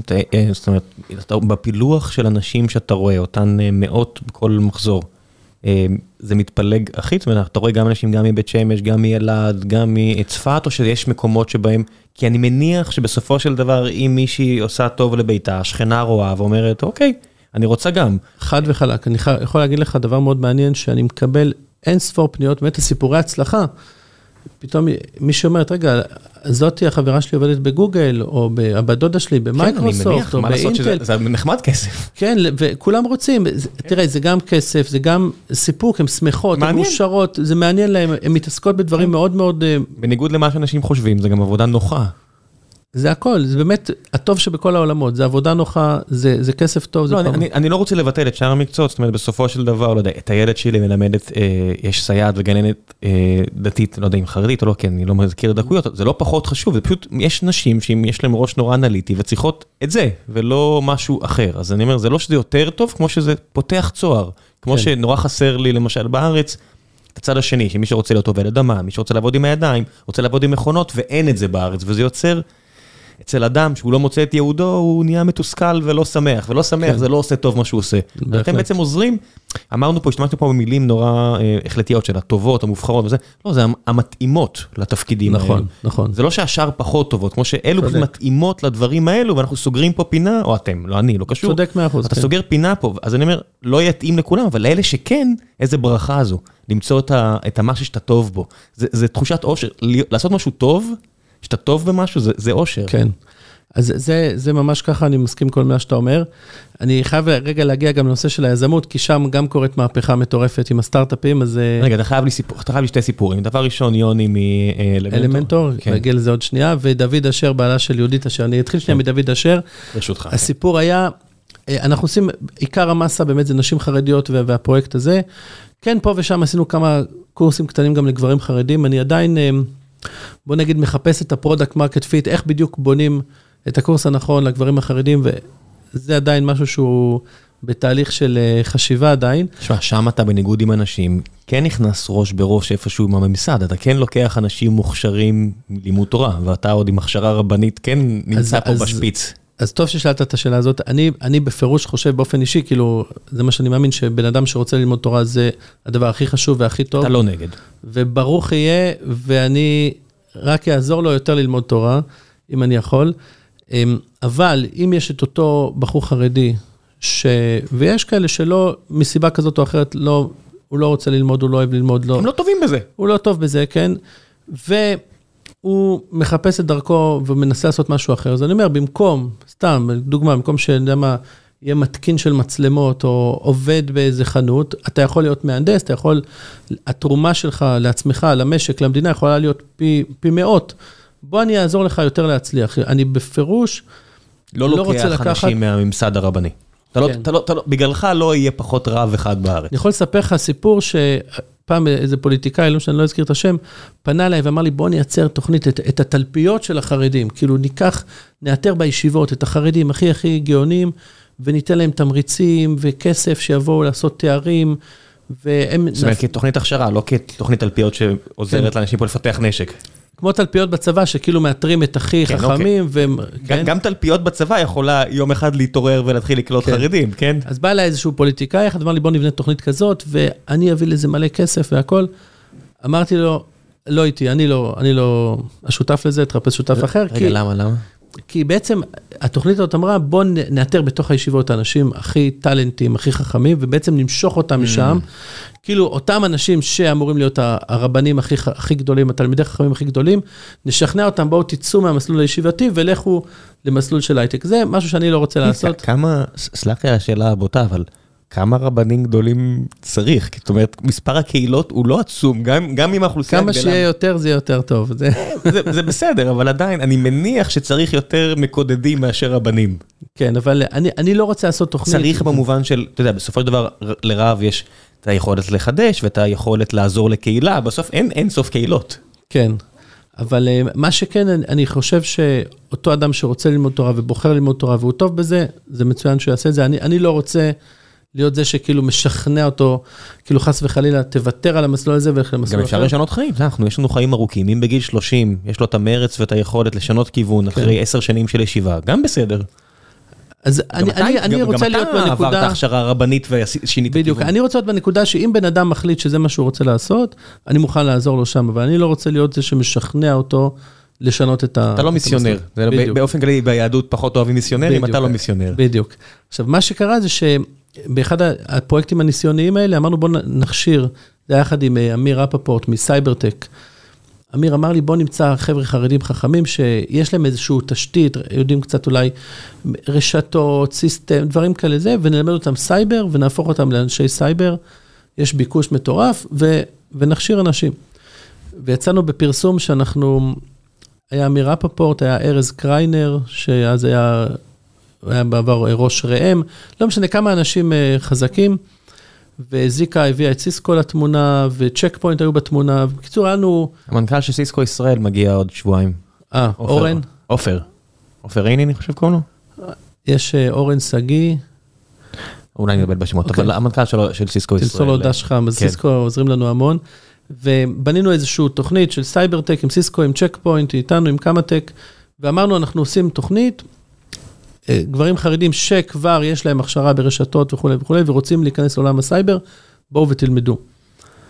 נרשמו תוך אה, שלושה ימים 900 חרדים. 900 גברים חרדים נרשמו, אנחנו רוצים לבוא לתוכנית. עכשיו, לנו היה את היכולת אה, אה, לממן, זה רק אה, קבוצה של 30. היה צריך שם מימון, זה היה צריך קורס, ללמד אותם, להביא מורים, להביא כיתות. היה לנו מימון ל-30, נרשמו 900, ועשינו מיונים וסינונים, ובחרנו מתוך ה-900 את ה-30. וואה, בסיירת מטכ"ל אין אה, מי- מיון כזה בגיבוש. ואז הגיע איזה בחור אחד, מאוד מאוד נחמד, ואמר, תקשיבו, אין לי את התנאי סף שאתם רוצים, לא למדתי כלום, אני לא יודע כלום, אבל אני מאוד מאוד מאוד רוצה להיכנס לקורס הזה. כי אנחנו אמרנו, בוא ניקח אנשים ש... שיש להם איזה רקע בסיסי, אנחנו לא נתחיל ללמד אותם את הכל מאפס. אנגלית היה לו. יפה. הוא אמר, אני ממש ממש רוצה להיכנס לקורס, ואני אוהב ללמוד, וזה מסקרן אותי, ותנו לי להיכנס לקורס. אמרנו לו, תקשיב, אתה לא עומד בתנאי סף. אני ממש ממש ממש רוצה. והוא הלך לארז קריינר, שהיה ראש הקורס, וממש אמר לו, תקשיב, אתה לא תתחרט על זה שקיבלת אותי, אני, אני אעשה ואני אצליח והכל. וארז אז אמר לי, תקשיב, הוא, הוא כל כך רוצה, יש לו כזאתי, כזה פשן ותשוקה, תקשיב, בוא, בוא נקבל אותו. אמרנו, יאללה, בוא נכניס אותו. הבחור הנפלא הזה זה דוד, אה, בעלה של יהודית, והוא באמת סופרסטאר. עכשיו, זה באמת סיפור מדהים, וזה באמת סיפור שמשקף. הוא, הוא הגיע בחור שלא ידע כלום בתחום של המחשבים, זה נכון, זו נקודה חשובה שיש לו אנגלית מהבית, כן. זו נקודה מאוד חשובה, אבל מצד שני לא היה לו שום רקע אחר. הוא אמר, אני ממש רוצה להיכנס לקורס, והוא נכנס לקורס, והוא היה התלמיד הכי שקדן והכי חרוץ והכי מלא פשן והתלהבות. הבחור סיים את הקורס, אגב, הקורס הסתיים, הייתה שם הצלחה מאוד גדולה, הם השתלבו כולם בכל מיני, בכל מיני אה, מקומות אה, נפלאים, אבל דוד, אחרי שהוא סיים את הקורס, אני חושב שהמקום העבודה הראשון שהוא נכנס היה מל"ם, משם הוא התקדם, נראה לי לסייבר ביט, והתקדם, התקדם, התקדם, הבחור, תוך איזה, עברו רק איזה ארבע שנים מאז, או חמש שנים, הבחור הוא, פשוט superstar. לעניות דעתי הוא מנהל מוצר היום, ואולי המנהל מוצר החרדי היחידי בארץ. אני אקח הימור שאולי הוא היחידי בארץ. הוא product manager בחברת סייבר ענקית, אה, הוא מצליח מאוד, אם יש עוד, תשלחו לי הודעה, אני מבטיח לתקן את עצמי, כמו שעשיתי עם הזוכה פוסט נובל, מבטיח. אני- אני חושב שדוד הוא היחידי, אם יש עוד, תקנו אותי בבקשה. כן, וזה באמת אה, משקף שמגיע בחור, וזה סיפור מדהים, בלי שום רקע, אבל עם הרבה מאוד רצון ללמוד. הקורס היה כמה חודשים, ותוך כמה חודשים הבחור פשוט עלה על מסלול, והוא היום איש סייבר מבריק, מנהל מוצר, אה, מנהל מוצר של, של מיליארדי דולרים בחברת ענק, ופשוט עושה עבודה מדהימה, ואני אומר, כאילו, זה פשוט role model, זה, זה מדהים כן, אני הסיפור אני שלו. בטוח שכל האנשים שגרים מסביבם באלעד, מסתכלים, אומרים, אולי גם אני יכול. כן. לא כולם יצליחו, אבל שמע, גם צריך להגיד את האמת, זה לא שהניסיון הוא כזה, הניסיון, גם אם נכשלים, הוא לא רע, לימודים זה כיף. בסוף אם באים בגישה הנכונה נכון, והבריאה ללימודים, גם אם. גם אם לא יוצא מזה כלום, זה עדיין כיף להמריץ את הראש, אתה יודע, להתפלפל על גמרא זה כיף, וגם להתפלפל על בעיית קוד או בעיה טכנית אחרת, זה כיף. בהחלט. יש כאלה, אוקיי, לא לכולם, לא לכולם, אבל יש כאלה שייהנו גם מהדרך. יפה, עכשיו אני, אני חייב רגע לעבור לסיפור של היזמות, כי שם כן. קורית מהפכה. חייב לסיפור על יוני. על יוני, אז אני, אני אקדים הקדמה. אני מאוד מאוד רציתי לעסוק עם יזמים. יוסי ורדי דחף אותי, לך תכשיר אנשים, וזה מה שדיברנו עד עכשיו. הוא פרקטי, מה לעשות. כן, אבל אז, אמ, מה שקרה זה שאני מאוד מאוד התעקשתי על היזמות, ראיתי שיוסי ורדי פחות uh, תומך בדבר הזה, ואיכשהו קראתי בעיתון שחמי פרס, מייסד של פיטנגו וזה, הקים קרן להשקיע בסטארט-אפים ערבים. אמרתי, וואלה, אני הולך לדבר איתו. איכשהו השגתי פגישה איתו, הלכתי לפגישה, אמרתי לו שלום, הוא לא הכיר אותי, לא כלום, אני נכנס אליו למשרד, אמרתי לו, תקשיב, יש לי חלום, כמו שאתה הקמת קרן לערבים, להקים קרן לחרדים. עכשיו, חמי אדם מאוד נחמד ואצילי, לא זרק אותי מהמשרד, אמר לי, תקשיב, רעיון מעניין, בוא נחשוב על זה ביחד, בוא נדבר על זה, והתחיל לעשות איתי איזה סיור מוחות, ואז אמר לי, תשמע, נניח אנחנו מקימים קרן, נגיד הבאנו כסף, האם יש את היזמים שאנחנו יכולים להשקיע בהם את הכסף? יש את היזמים, יש בכלל... אה, והאמת שלא ידעתי את התשובה, ואז חמי אמר לי, תשמע, בוא נכריז על תחרות סטארט-אפים, נגיד כל יזם חרדי שיש לו סטארט-אפ, בבקשה, מוזמן לבוא, והטוב ביותר, נעשה איזשהו שופטים או משהו, הטוב ביותר, אני אתן לו אה, הפרס, השקעה של, מפיטנגו. והכרזנו על תחרות, זו הייתה תחרות הסטארט-אפים החרדית הראשונה אי פעם, עשינו את זה באודיטוריום של מייקרוסופט, זה היה ב-2013. אמ, היו, הבאנו שופטים, כל מיני אנשים תותחים, יובל שחר היה שם, אייל גורה, ענבל אריאלי, כל מיני אנשים, אה, זה, ותחרות, ויוסי ורדי היה המנחה, בקיצור היה אבי חסון המדען הראשי, עשינו חגיגה שלמה. לתחרות נרשמו 20 יזמים חרדים, שאמרו, אנחנו רוצים להתחרות, אמרנו, כל יזם יכול לעלות על הבמה, להציג אה, שתי דקות את מה שיש לו, יש שופטים, נעשה בחירת הקהל, בחירת השופטים, ו... אה, ו... ובואו נראה בכלל מה קורה. היה אירוע מאוד מאוד יפה, היה אירוע כזה ייחודי, פעם ראשונה שעושים תחרות סטארט-אפים חרדים. אחד הסטארט-אפים אה, שהציג שם, תכף נגיע לזה, היה גם אלמנטור, שבאותו זמן קראו להם פוג'ו, תכף נדבר על זה. אמ, הם לא זכו בשום פרס, היו סטארט-אפים אחרים שזכו בפרסים, וכשיצאנו מהאירוע, חמי פרס אמר לי, תשמע, זה נחמד, אבל זה עדיין לא, זה לא שם. כאילו, אוקיי, יש, הצלחת לאתר 20 יזמים, יחסית לא עדיין היזמים הכי הכי טובים, אבל יש פה איזושהי התחלה של משהו, אבל צריך עוד לטפח את הקהילה. עכשיו, באותו אירוע, עכשיו נחזור לסיפור של אלמנטור, כי זה מאוד מעניין. מה שקרה, אמ, כשאני חיפשתי סטארט-אפים שירשמו לתחרות, אה, נרשמו מעטים, ואמרתי, איך אני מביא עוד סטארט-אפים? ואז חבר סיפר לי שיש איזה גראז' בבני ברק, שיושבים שם שני חבר'ה ובונים אתרי אינטרנט. פשוט בונים אתרים. אמר לי, לך תבדוק מה קורה שם. ואני הולך לשם, לא הכרתי אותם, דופק בדלת, פותחים לי יוני ואריאל, היזמים של אלמנטור, שלום, שלום, זה מישהו הפנה אותי אליכם, מה אתם עושים? בונים אתר אינטרנט. אמרתי להם, תשמעו, אני מחפש סטארט-אפים לתחרות סטארט-אפים. אה, אתם רוצים לבוא להתחרות? אמרו לי, אנחנו לא סטארט-אפ, אנחנו בונים אתרי אינטרנט, אנחנו לא סטארט-אפ. אמרתי להם, תקשיבו, אולי בכל אופן אפשר להתייחס אליכם כמו סטארט-אפ, ואז יוני אמר, תקשיב, אנחנו, יש לנו גם תבניות. אז אמרתי, רגע, אם יש לך גם תבניות, אז אתה בעצם, אתה פלטפורמה לאתרי אינטרנט, אתה וויקס בעצם, אתה סוג של וויקס. אמרתי לו, תקשיב, יוני, אני חייב סטארט-אפים בתחרות, אתה הוויקס החרדי, בבקשה, תבוא לתחרות.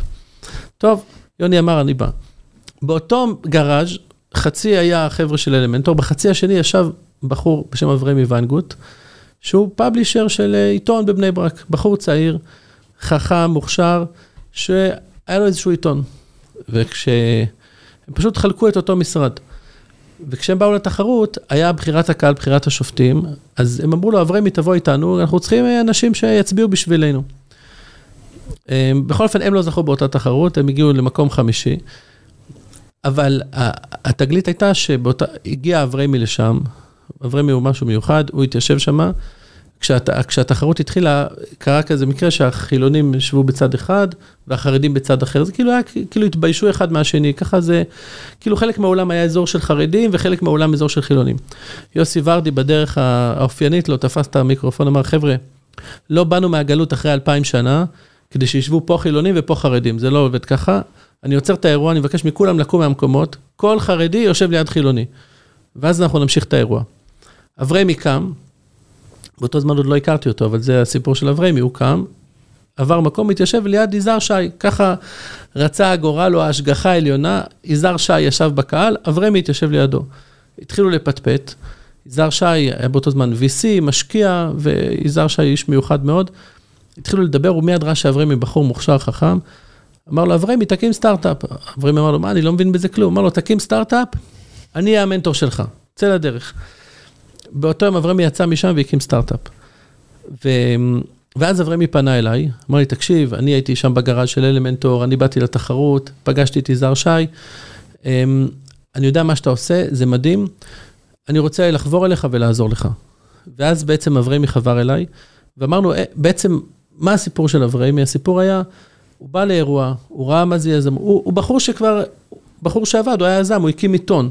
אבל במקום להקים עיתון, הוא אמר, רגע, יש לי בעצם הזדמנות אולי להיכנס לעולם של הייטק ולעשות משהו שהוא הרבה יותר גדול, הרבה יותר מעניין, מאשר להיות יזם של איזה עיתון מקומון בבני ברק. ואמרנו, איך אנחנו משכפלים את הסיפור של אבריימי. ואז עלה הרעיון, בוא נתחיל להביא את היזמים הגדולים של מדינת ישראל, נביא אותם לבני ברק, נביא את דוב מורן, את אמנון שעשוע, את אבישי אברהמי, את אה, מיכה קאופמן, כל מיני יזמים גדולים שיספרו את הסיפור שלהם, איך הקמתי את הסטארט-אפ, איך הקמתי את וויקס, איך הקמתי את מובילאיי וכולי וכולי.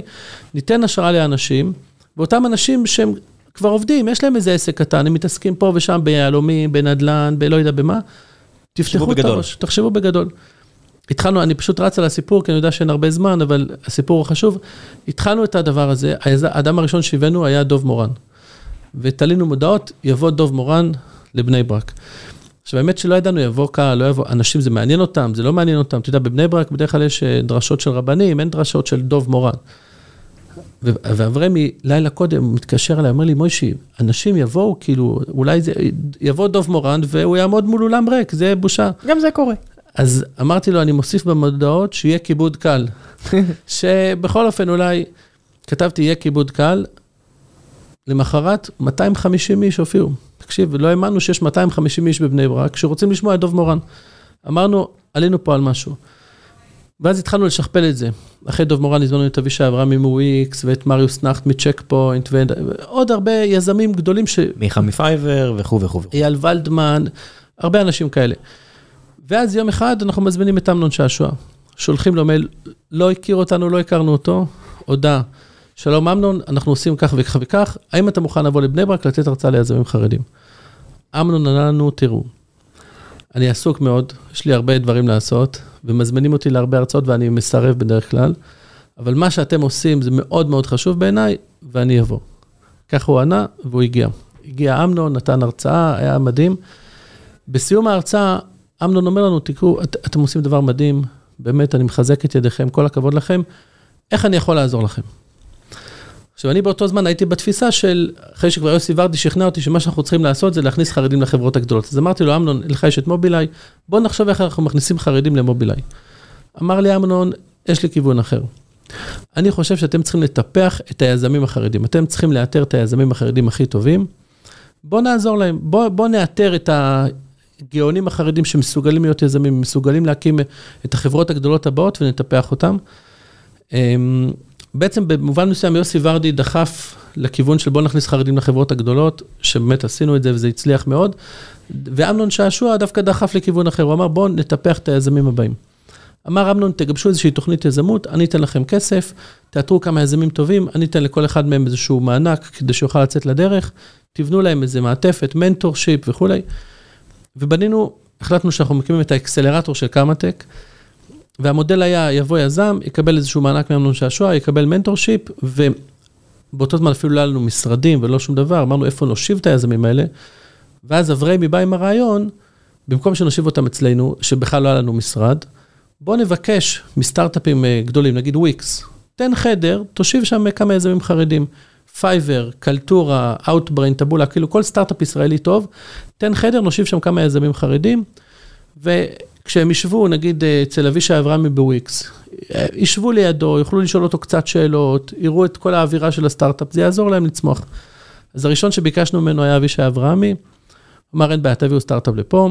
אחרי אבישי היה גם אה, טבולה ואוטבריין וכל הסטארט-אפים הגדולים. והמודל היה, תבואו לכמה חודשים, ניתן לכם משרד בתוך סטארט-אפ ישראלי גדול, תקבלו מענק, תקבלו mentorship, ואנחנו נעזור לכם לצאת לדרך. נרשמו. פתחנו את התוכנית, הוצאנו כזה קול קורא, נרשמו 224 סטארט-אפים חרדים. היינו בהלם, אמרנו, מאיפה הגיעו 224 סטארט-אפים חרדים? כשאני עשיתי תחרות איזה שנה קודם, היו לי רק 20 יזמים, פתאום 224 יזמים.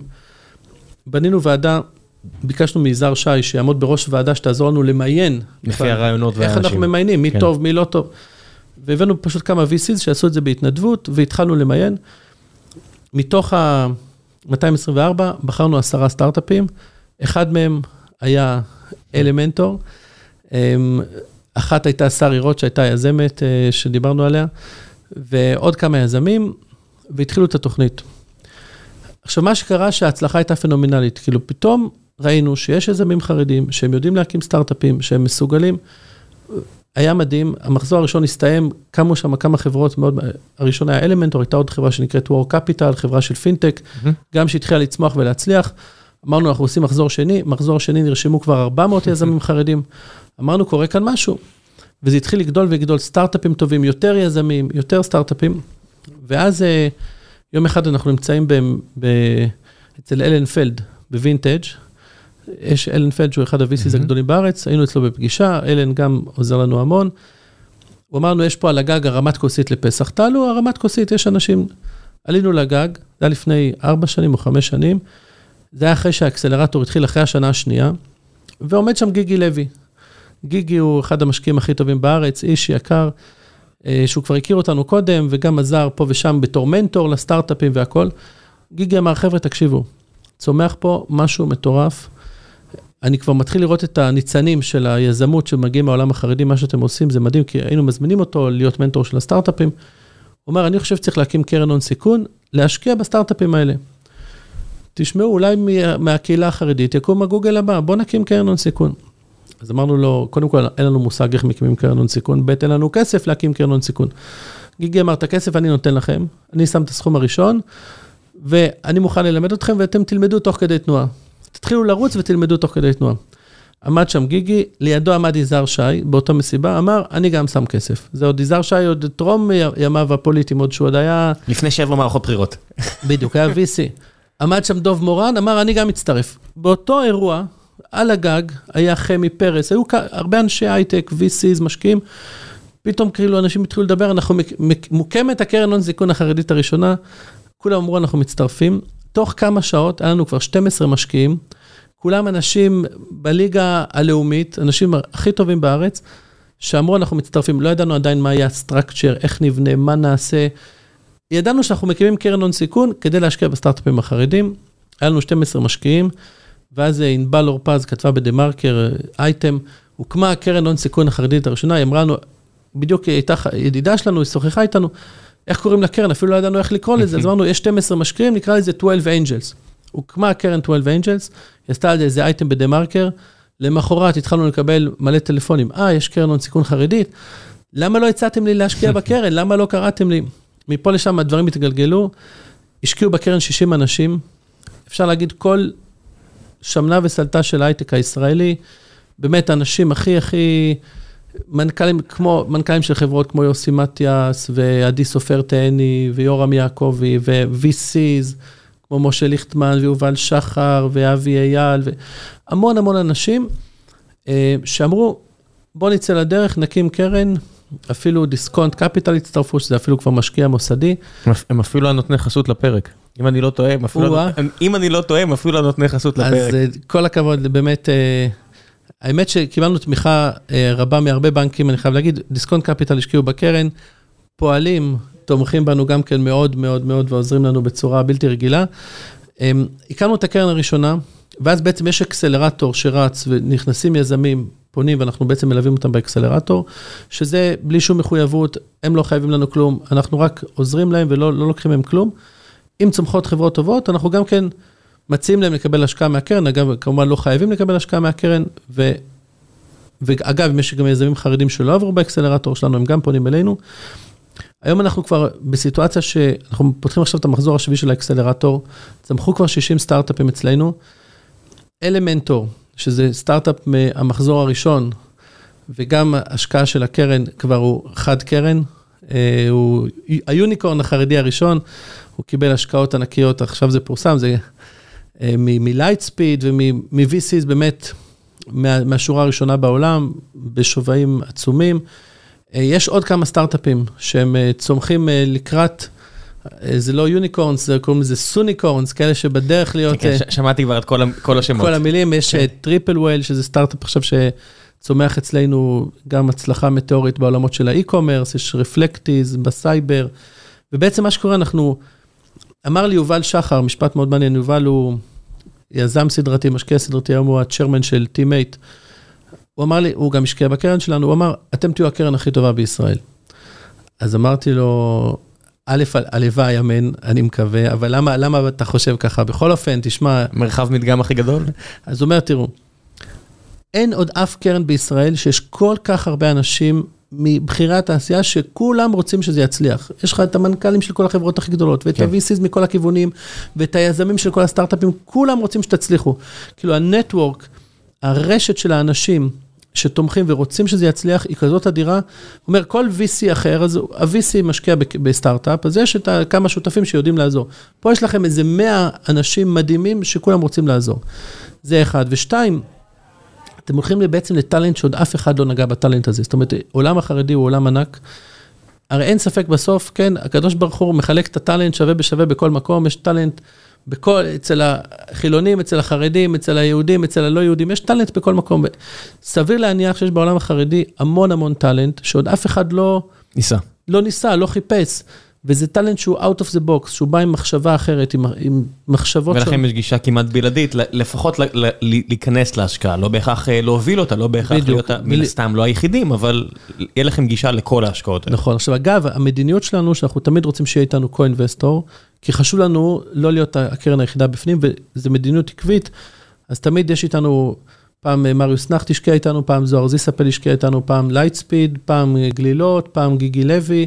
זאת אומרת, כל פעם אנחנו מחפשים איזשהו VC או angel חזק שייכנס ביחד איתנו, זה, זה חלק מהמדיניות שלנו. ו... אז אני לא יודע אם הנבואה של יובל שחר תגשים את עצמה, אולי אם אנחנו נהיה הקרן הכי טובה בישראל, אני כן יכול להגיד לך שהקרן הראשונה השקיעה כבר ב-13 סטארט-אפים, יש לה תשואות uh, מדהימות. Uh, אמרו לי, תראה, אני, אני לא המומחה הכי גדול לקרנות, אמרו לי שזה, התשואות שיש לנו הן ממש באחוזון הכי גבוה ש, של הקרנות, שזה די מדהים, כאילו לחשוב שקרן של סטארט-אפים חרדים, תגיע לתשואות כאלה, זה, זה די מדהים. ובעקבות זה החלטנו להקים קרן שנייה, שהיא כבר הרבה יותר גדולה. שעכשיו היא כבר, כבר רצה. היא, היא רצה, אנחנו עוד לא, עוד לא סגרנו אותה. זאת אומרת, עשינו סגירה ראשונה, גייסנו כבר את הכסף הראשון, התחלנו כבר להשקיע בסטארט-אפים, עדיין לא סגרנו את הקרן השנייה, היא עדיין פתוחה. ובעצם כל המשקיעים שהשקיעו בקרן הראשונה חזרו והשקיעו בקרן השנייה.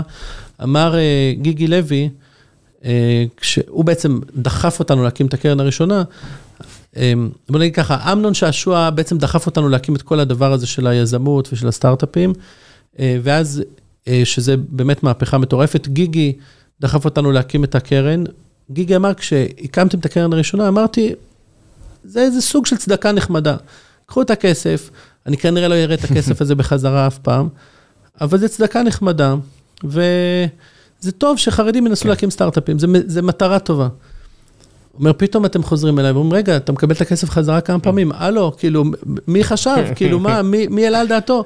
שיהיה יוניקורנים חרדים, ויהיו חברות חרדיות. יש לנו היום, צמחו אצלנו 60 סטארט-אפים, השקענו ב-17 סטארט-אפים, זה סטארט-אפים שמוכרים במיליוני דולרים, בחלק מהמקרים בעשרות מיליוני דולרים, מעסיקים מאות עובדים, זה מטורף, כאילו, זה פשוט מהפכה. גיגי אמר, מי היה מאמין? לא חלמנו לפני ארבע שנים שהיום זה יהיה המצב. כאילו, קורה כאן משהו שהוא מטורף. וזה קרן לכל דבר ועניין, ואז הוא אמר, אני מכפיל את ההשקעה שלי פי כמה וכמה. ובקיצור, בעצם יש פה, אה, בהחלט אני חושב משהו שהוא מעל ומעבר לכל דמיון שמישהו מאיתנו חלם. אה, אני זוכר את הימים שאני הייתי מטייל עם הסטארט-אפ שלי אצל משקיעים, ואת התגובות הפחות נעימות שהייתי מקבל, ולהסתכל מה שקורה היום, שפתאום יש סטארט-אפים חרדים מדהימים. אנחנו מקימים קרן ראשונה, קרן שנייה, אנשים פשוט, אנשים אומרים לי, למה לא קראת לי להשקיע בקרן? כבר כועסים עליי, כאילו, למה לא פנית? רגשות אשם של משקיעים זה תתרגל, זה חלק מהסיפור. כן, ובאמת אה, קורה כאן משהו שהוא מדהים ומהפכה. אני, אם אנחנו צריכים לסיים, אני צריך להגיד, אני מאוד מאוד אופטימי. כי... הרבה מהשאלות שחיכו לך, שלא הגענו מן הסתם לשאלות של הקהל, כי לא רציתי אה, אה, לקטוע. אבל הרבה מהשאלות שלו, האם אתה אופטימי, איך אתה רואה את ישראל 2050 וכל וכו' וכו' כן, וכו'. אני, אני מאוד מאוד אופטימי, בגלל שאני חושב שבהחלט אנחנו רואים, אה, אפילו בסיפור שלנו של קמא-טק, ושבעצם זה אפשרי וזה קורה, זאת אומרת, אפשר לקחת למשל נשים חרדיות ולהביא אותן יחסית בקלות, להיות עובדות של גוגל או להיות עובדות של מייקרוסופט, זה פשוט, זה דבר שהוא אפשרי. קיים? כמובן אפשרי, זה, זה, זה פשוט זה קורה. יהודית בגוגל ואנחנו מכירים אנשים במייקרוסופט. כן, ויש, ויש עוד הרבה נשים חרדיות בגוגל ש... כן, בכוונה לא, לא, לא, כן. לא מציין שמות, כי היא הייתה פה בפודקאסט והיא נחשפה, אבל מי, והיא לא... כוכבת רצינית. כן, לא, לא מרגיש בנוח לחשוף שמות. אה, ברור. כן. ויש אה, יזמים חרדים ויזמות חרדיות שמקימים סטארט-אפים, ונהיים יוניקורנים, או נהיים חברות של עשרות מיליוני דולרים ומאות מיליוני דולרים. וזה אפשרי, וזה קורה, ומה שנקרא, אם תרצו אין זו אגדה, זה, זה באמת תהליך שקורה. אגב, הרבה מאוד, הכמות של הפניות שאני מקבל מחרדים, פשוט ברמה היומיומית, אימיילים, וואטסאפים, טלפונים, אנשים פוגשים אותי ברחוב, זה יזם רוצה להקים סטארט-אפ, זה רוצה למצוא הכשרה כזאת, הכשרה כזאת. הכמות של החרדים שפונים היא אדירה, ויש באמת הרבה רצון, ואני חושב שכן הצלחנו להראות שמצד אחד זה אפשרי, מצד שני, אדם יכול להיות חרדי, לשמור על אורח חייו החרדיים בצורה נפלאה, ובו זמנית להיות יזם מצליח, או בו זמנית להיות איש סייבר או מהנדס בגוגל, זה אפשרי. ברגע שהמודל הזה קיים, ואנחנו רואים שזה קורה, ויש כבר את, ה, את המאות הרבות של הסיפורי ההצלחה הראשונים, אני חושב שאנחנו יכולים להיות אופטימיים. אגב... תשמע, אה, רשמו פה כל מיני שאלות של איך חרדים התמודדו עם מנהלת אישה וכו', אני רק יכול להגיד שבפפר יש, הייתה לילך, והמנהלת שלה זה תמר, והמנהלת שלה הייתה רקפת, השדרה ניהולית שלמה של נשים, וזה לא הפריע לחרדים לעבוד שם. זה עובד יפה מאוד. כן. אני יכול להגיד אפילו יותר מזה, אפילו אצלנו בקמא-טק, יש את שרי רוט שמנהלת את כל הפרויקט הענק של הנשים החרדיות, וחלק מהאנשים שעובדים בפרויקט הם גברים חרדים שעובדים אצלה. אין, אין, אין בעיה, הכל בסדר. יש נשים חרדיות שיש גבר חילוני שמנהל אותם, או גבר ערבי שמנהל אותם, יש נשים, גברים חרדים שמנוהלים על ידי, הכל, הכל קיים, הכל, זה, זה לא בעיה, זה בהחלט אפשרי. אני חייב להגיד לך משהו שלדעתי, אה, אנחנו, אני אופטימי וזה יכול לקרות בגדול, לדעתי, כן צריך שהממשלה תיכנס יותר בגדול לסיפור הזה. איך? כי מה שקורה, אה, עד היום, בוא נגיד, אנחנו בכמה תק... כמעט הכל היה מבוסס על פילנטרופיה ועל אנשים פרטיים שעזרו, או נגיד בנקים, כמו שהזכרנו, את אה, פועלים, דיסקונט וכאלה, ו... או אנשים פרטיים כמו אמנון שעשוע. ועדיין אני מרגיש שהממשלה לא בתוך זה, זאת אומרת, בגדול. זאת אומרת, כן, יש, יש כמה זרועות של הממשלה שמסתכלות על זה, זה גם רשות החדשנות שמסתכלים על הנושא של הון אנושי, גם משרד הכלכלה, זרוע העבודה, משרד המדע.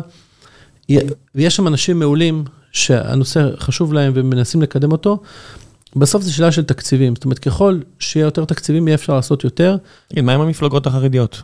וזה תלוי מאוד בדרג, בדרג הפוליטי, ובגדול אני מדבר עם הרבה אנשים וכולם ברמת העיקרון תומכים, וגם מהצד החרדי, גם לא מהצד החרדי.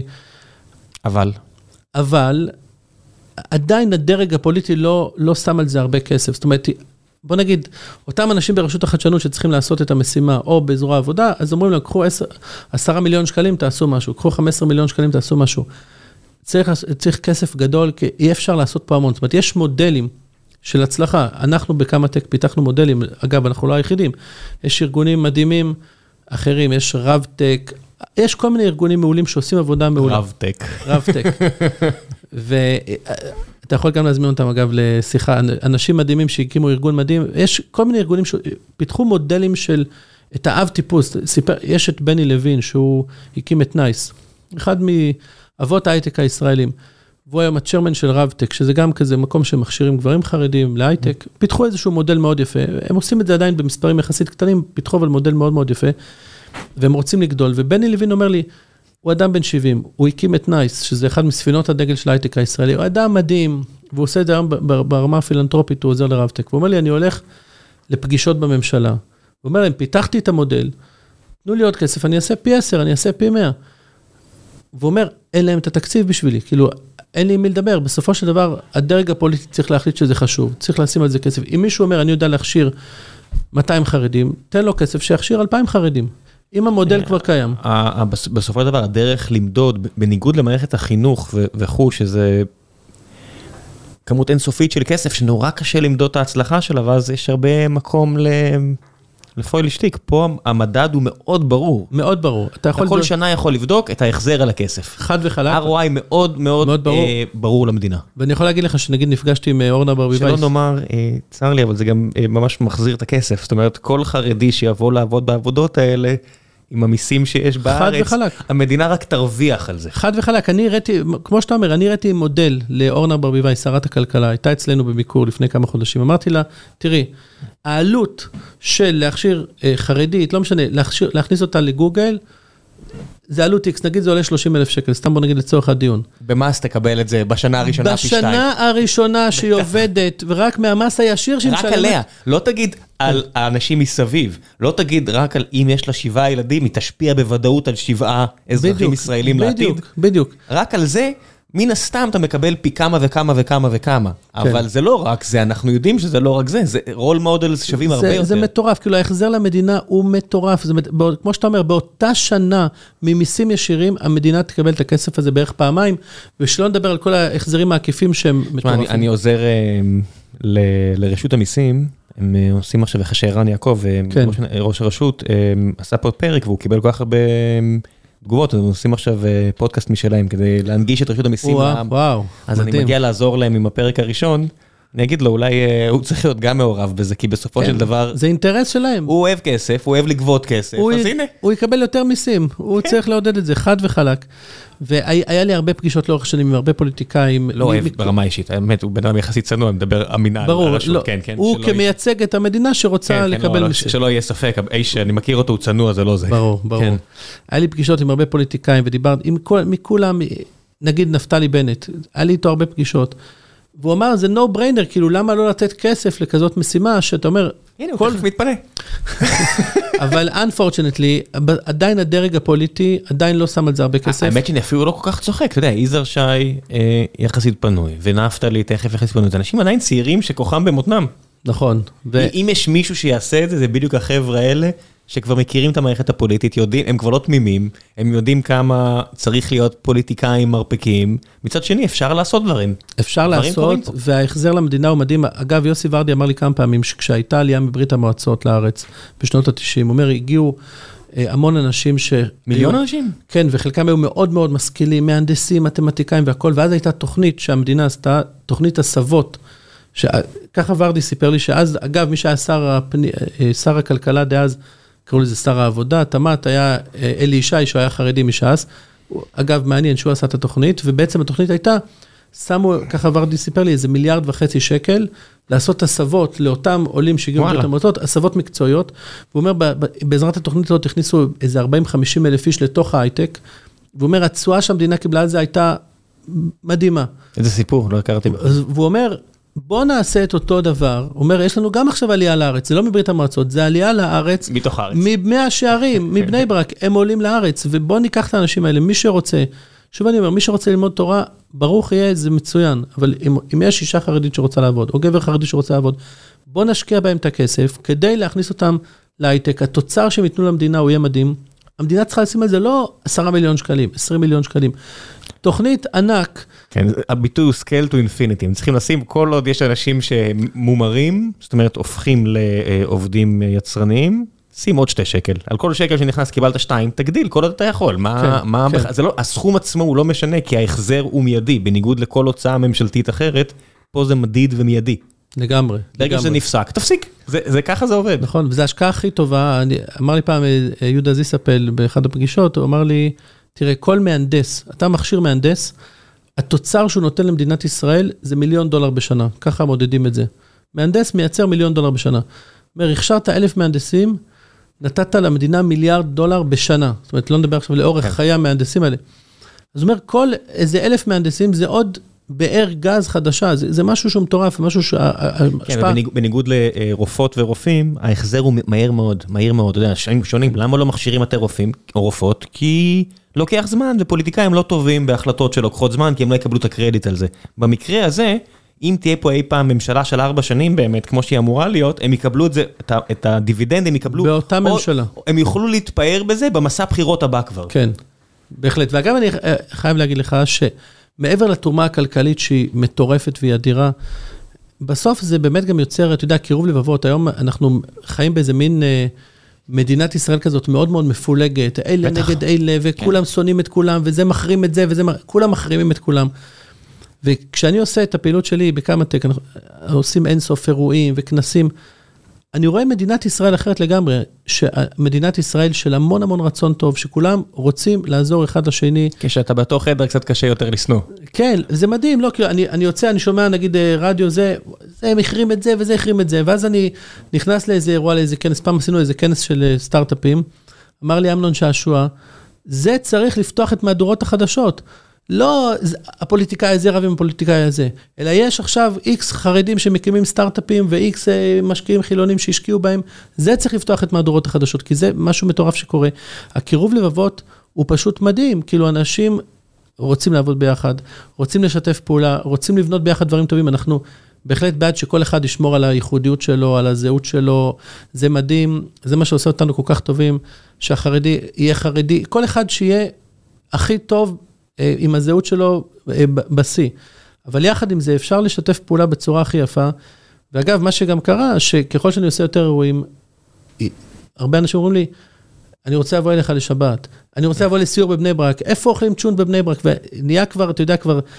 זה כמו, אתה יודע, שאומרים על על ערבים שמכירים דרך החומוס, ויושב פה. שף ערבי ואומר, די כבר עם החומוס הזה, הבאנו לכם את האוכל הכי אה, הכי ברר, כי אפשר להרוויח עליו הכי הרבה, בסוף אתה יודע, אנשים יגלו שבאוכל חרדי יש הרבה יותר מאשר הצ'ון. שקורה, אני יכול לספר לך דבר די מדהים, שכמעט כל יום חמישי בערב, זה כבר נהיה כזאת מסורת, אברמי ואני עושים סיורים בבני ברק, סתם בכיף, לכל מיני, אתה יודע, מנכ"לים של חברות שעובדים איתנו משקיעים, סיורי צ'ונט בבני ברק, סיורי זה, באים לראות, ואני רואה שאנשים פשוט רוצים להכיר אחד את השני, רוצים לעבוד ביחד, אין, אין את השנאה הזאת, כאילו השנאה והפלגנות הזאת שאתה שומע כאילו בספירה, כאילו הציבורית, כן, שזה יורד- שאתה עושה, אתה מחלק את זה לאנחנו והם, יש בלאגן, ברגע שזה אנחנו, יותר קשה לעשות בלאגן. לגמרי. לא ששם אין בלאגן, כמו שכל משפחה אה, יודעת, אבל זה יותר קשה.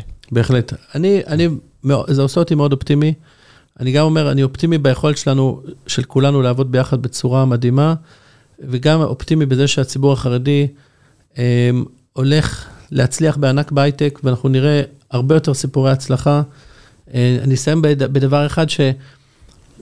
אלמנטור זה סטארט-אפ שצמח אצלנו, וזו השקעה שלנו, וכשהיה איזה כתבה עליהם גדולה בדה מרקר, שלחתי את זה לראובן קרופיק, שהוא יושב ראש בנק הפועלים, שהם עוזרים לנו, אז שלחתי לו בוואטסאפ, כזה שלחתי לו תמונה, אמרתי לו, תראה, כתבתי לו, הנה, גם חרדים יכולים.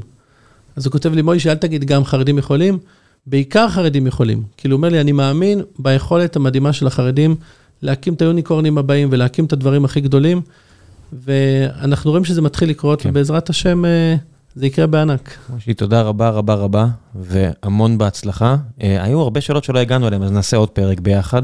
ועוד תקופה. מהיום, ובתקווה שעד אז יהיה כבר עוד אלמנטור, ואז בכלל תהיה מבסוט. אז א', בכיף, ב', אני אגיד לך משהו שלנו גם כן יש פודקאסט, אברמי ואני, שאנחנו מראיינים את היזמים המצליחים של איך ישראל. קוראים לו? קוראים לפודקאסט חדי קרן מתארחים בקמא-טק, וראיינו כבר הרבה מאוד מהיזמים הגדולים של מדינת ישראל. תשלח לי את הלינקים, וכל מה שאתה רוצה אני אשים בדף של הפרק. אז קודם כל, מי שרוצה להאזין לפודקאסט שלנו מוזמן, ואני גם אומר, אולי אני אזמין אותך יאללה, להתראיין אצלנו, נחליף אה, מקומות. קדימה, שאל מה שאתה רוצה. יאללה ידידי. אה, נהניתי מאוד, זה היה. בשבילי חלום של הרבה שנים להיות בפודקאסט המדהים שלכם, ואני שמח שהגשמנו את החלום. כמו שאמרתי, אתה עושה טיפה משהו יותר טיפה יותר חשוב, אז הזכות פה דווקא אצלי, היא דווקא אצלי. תודה רבה רבה רבה. תודה, תודה. ביי.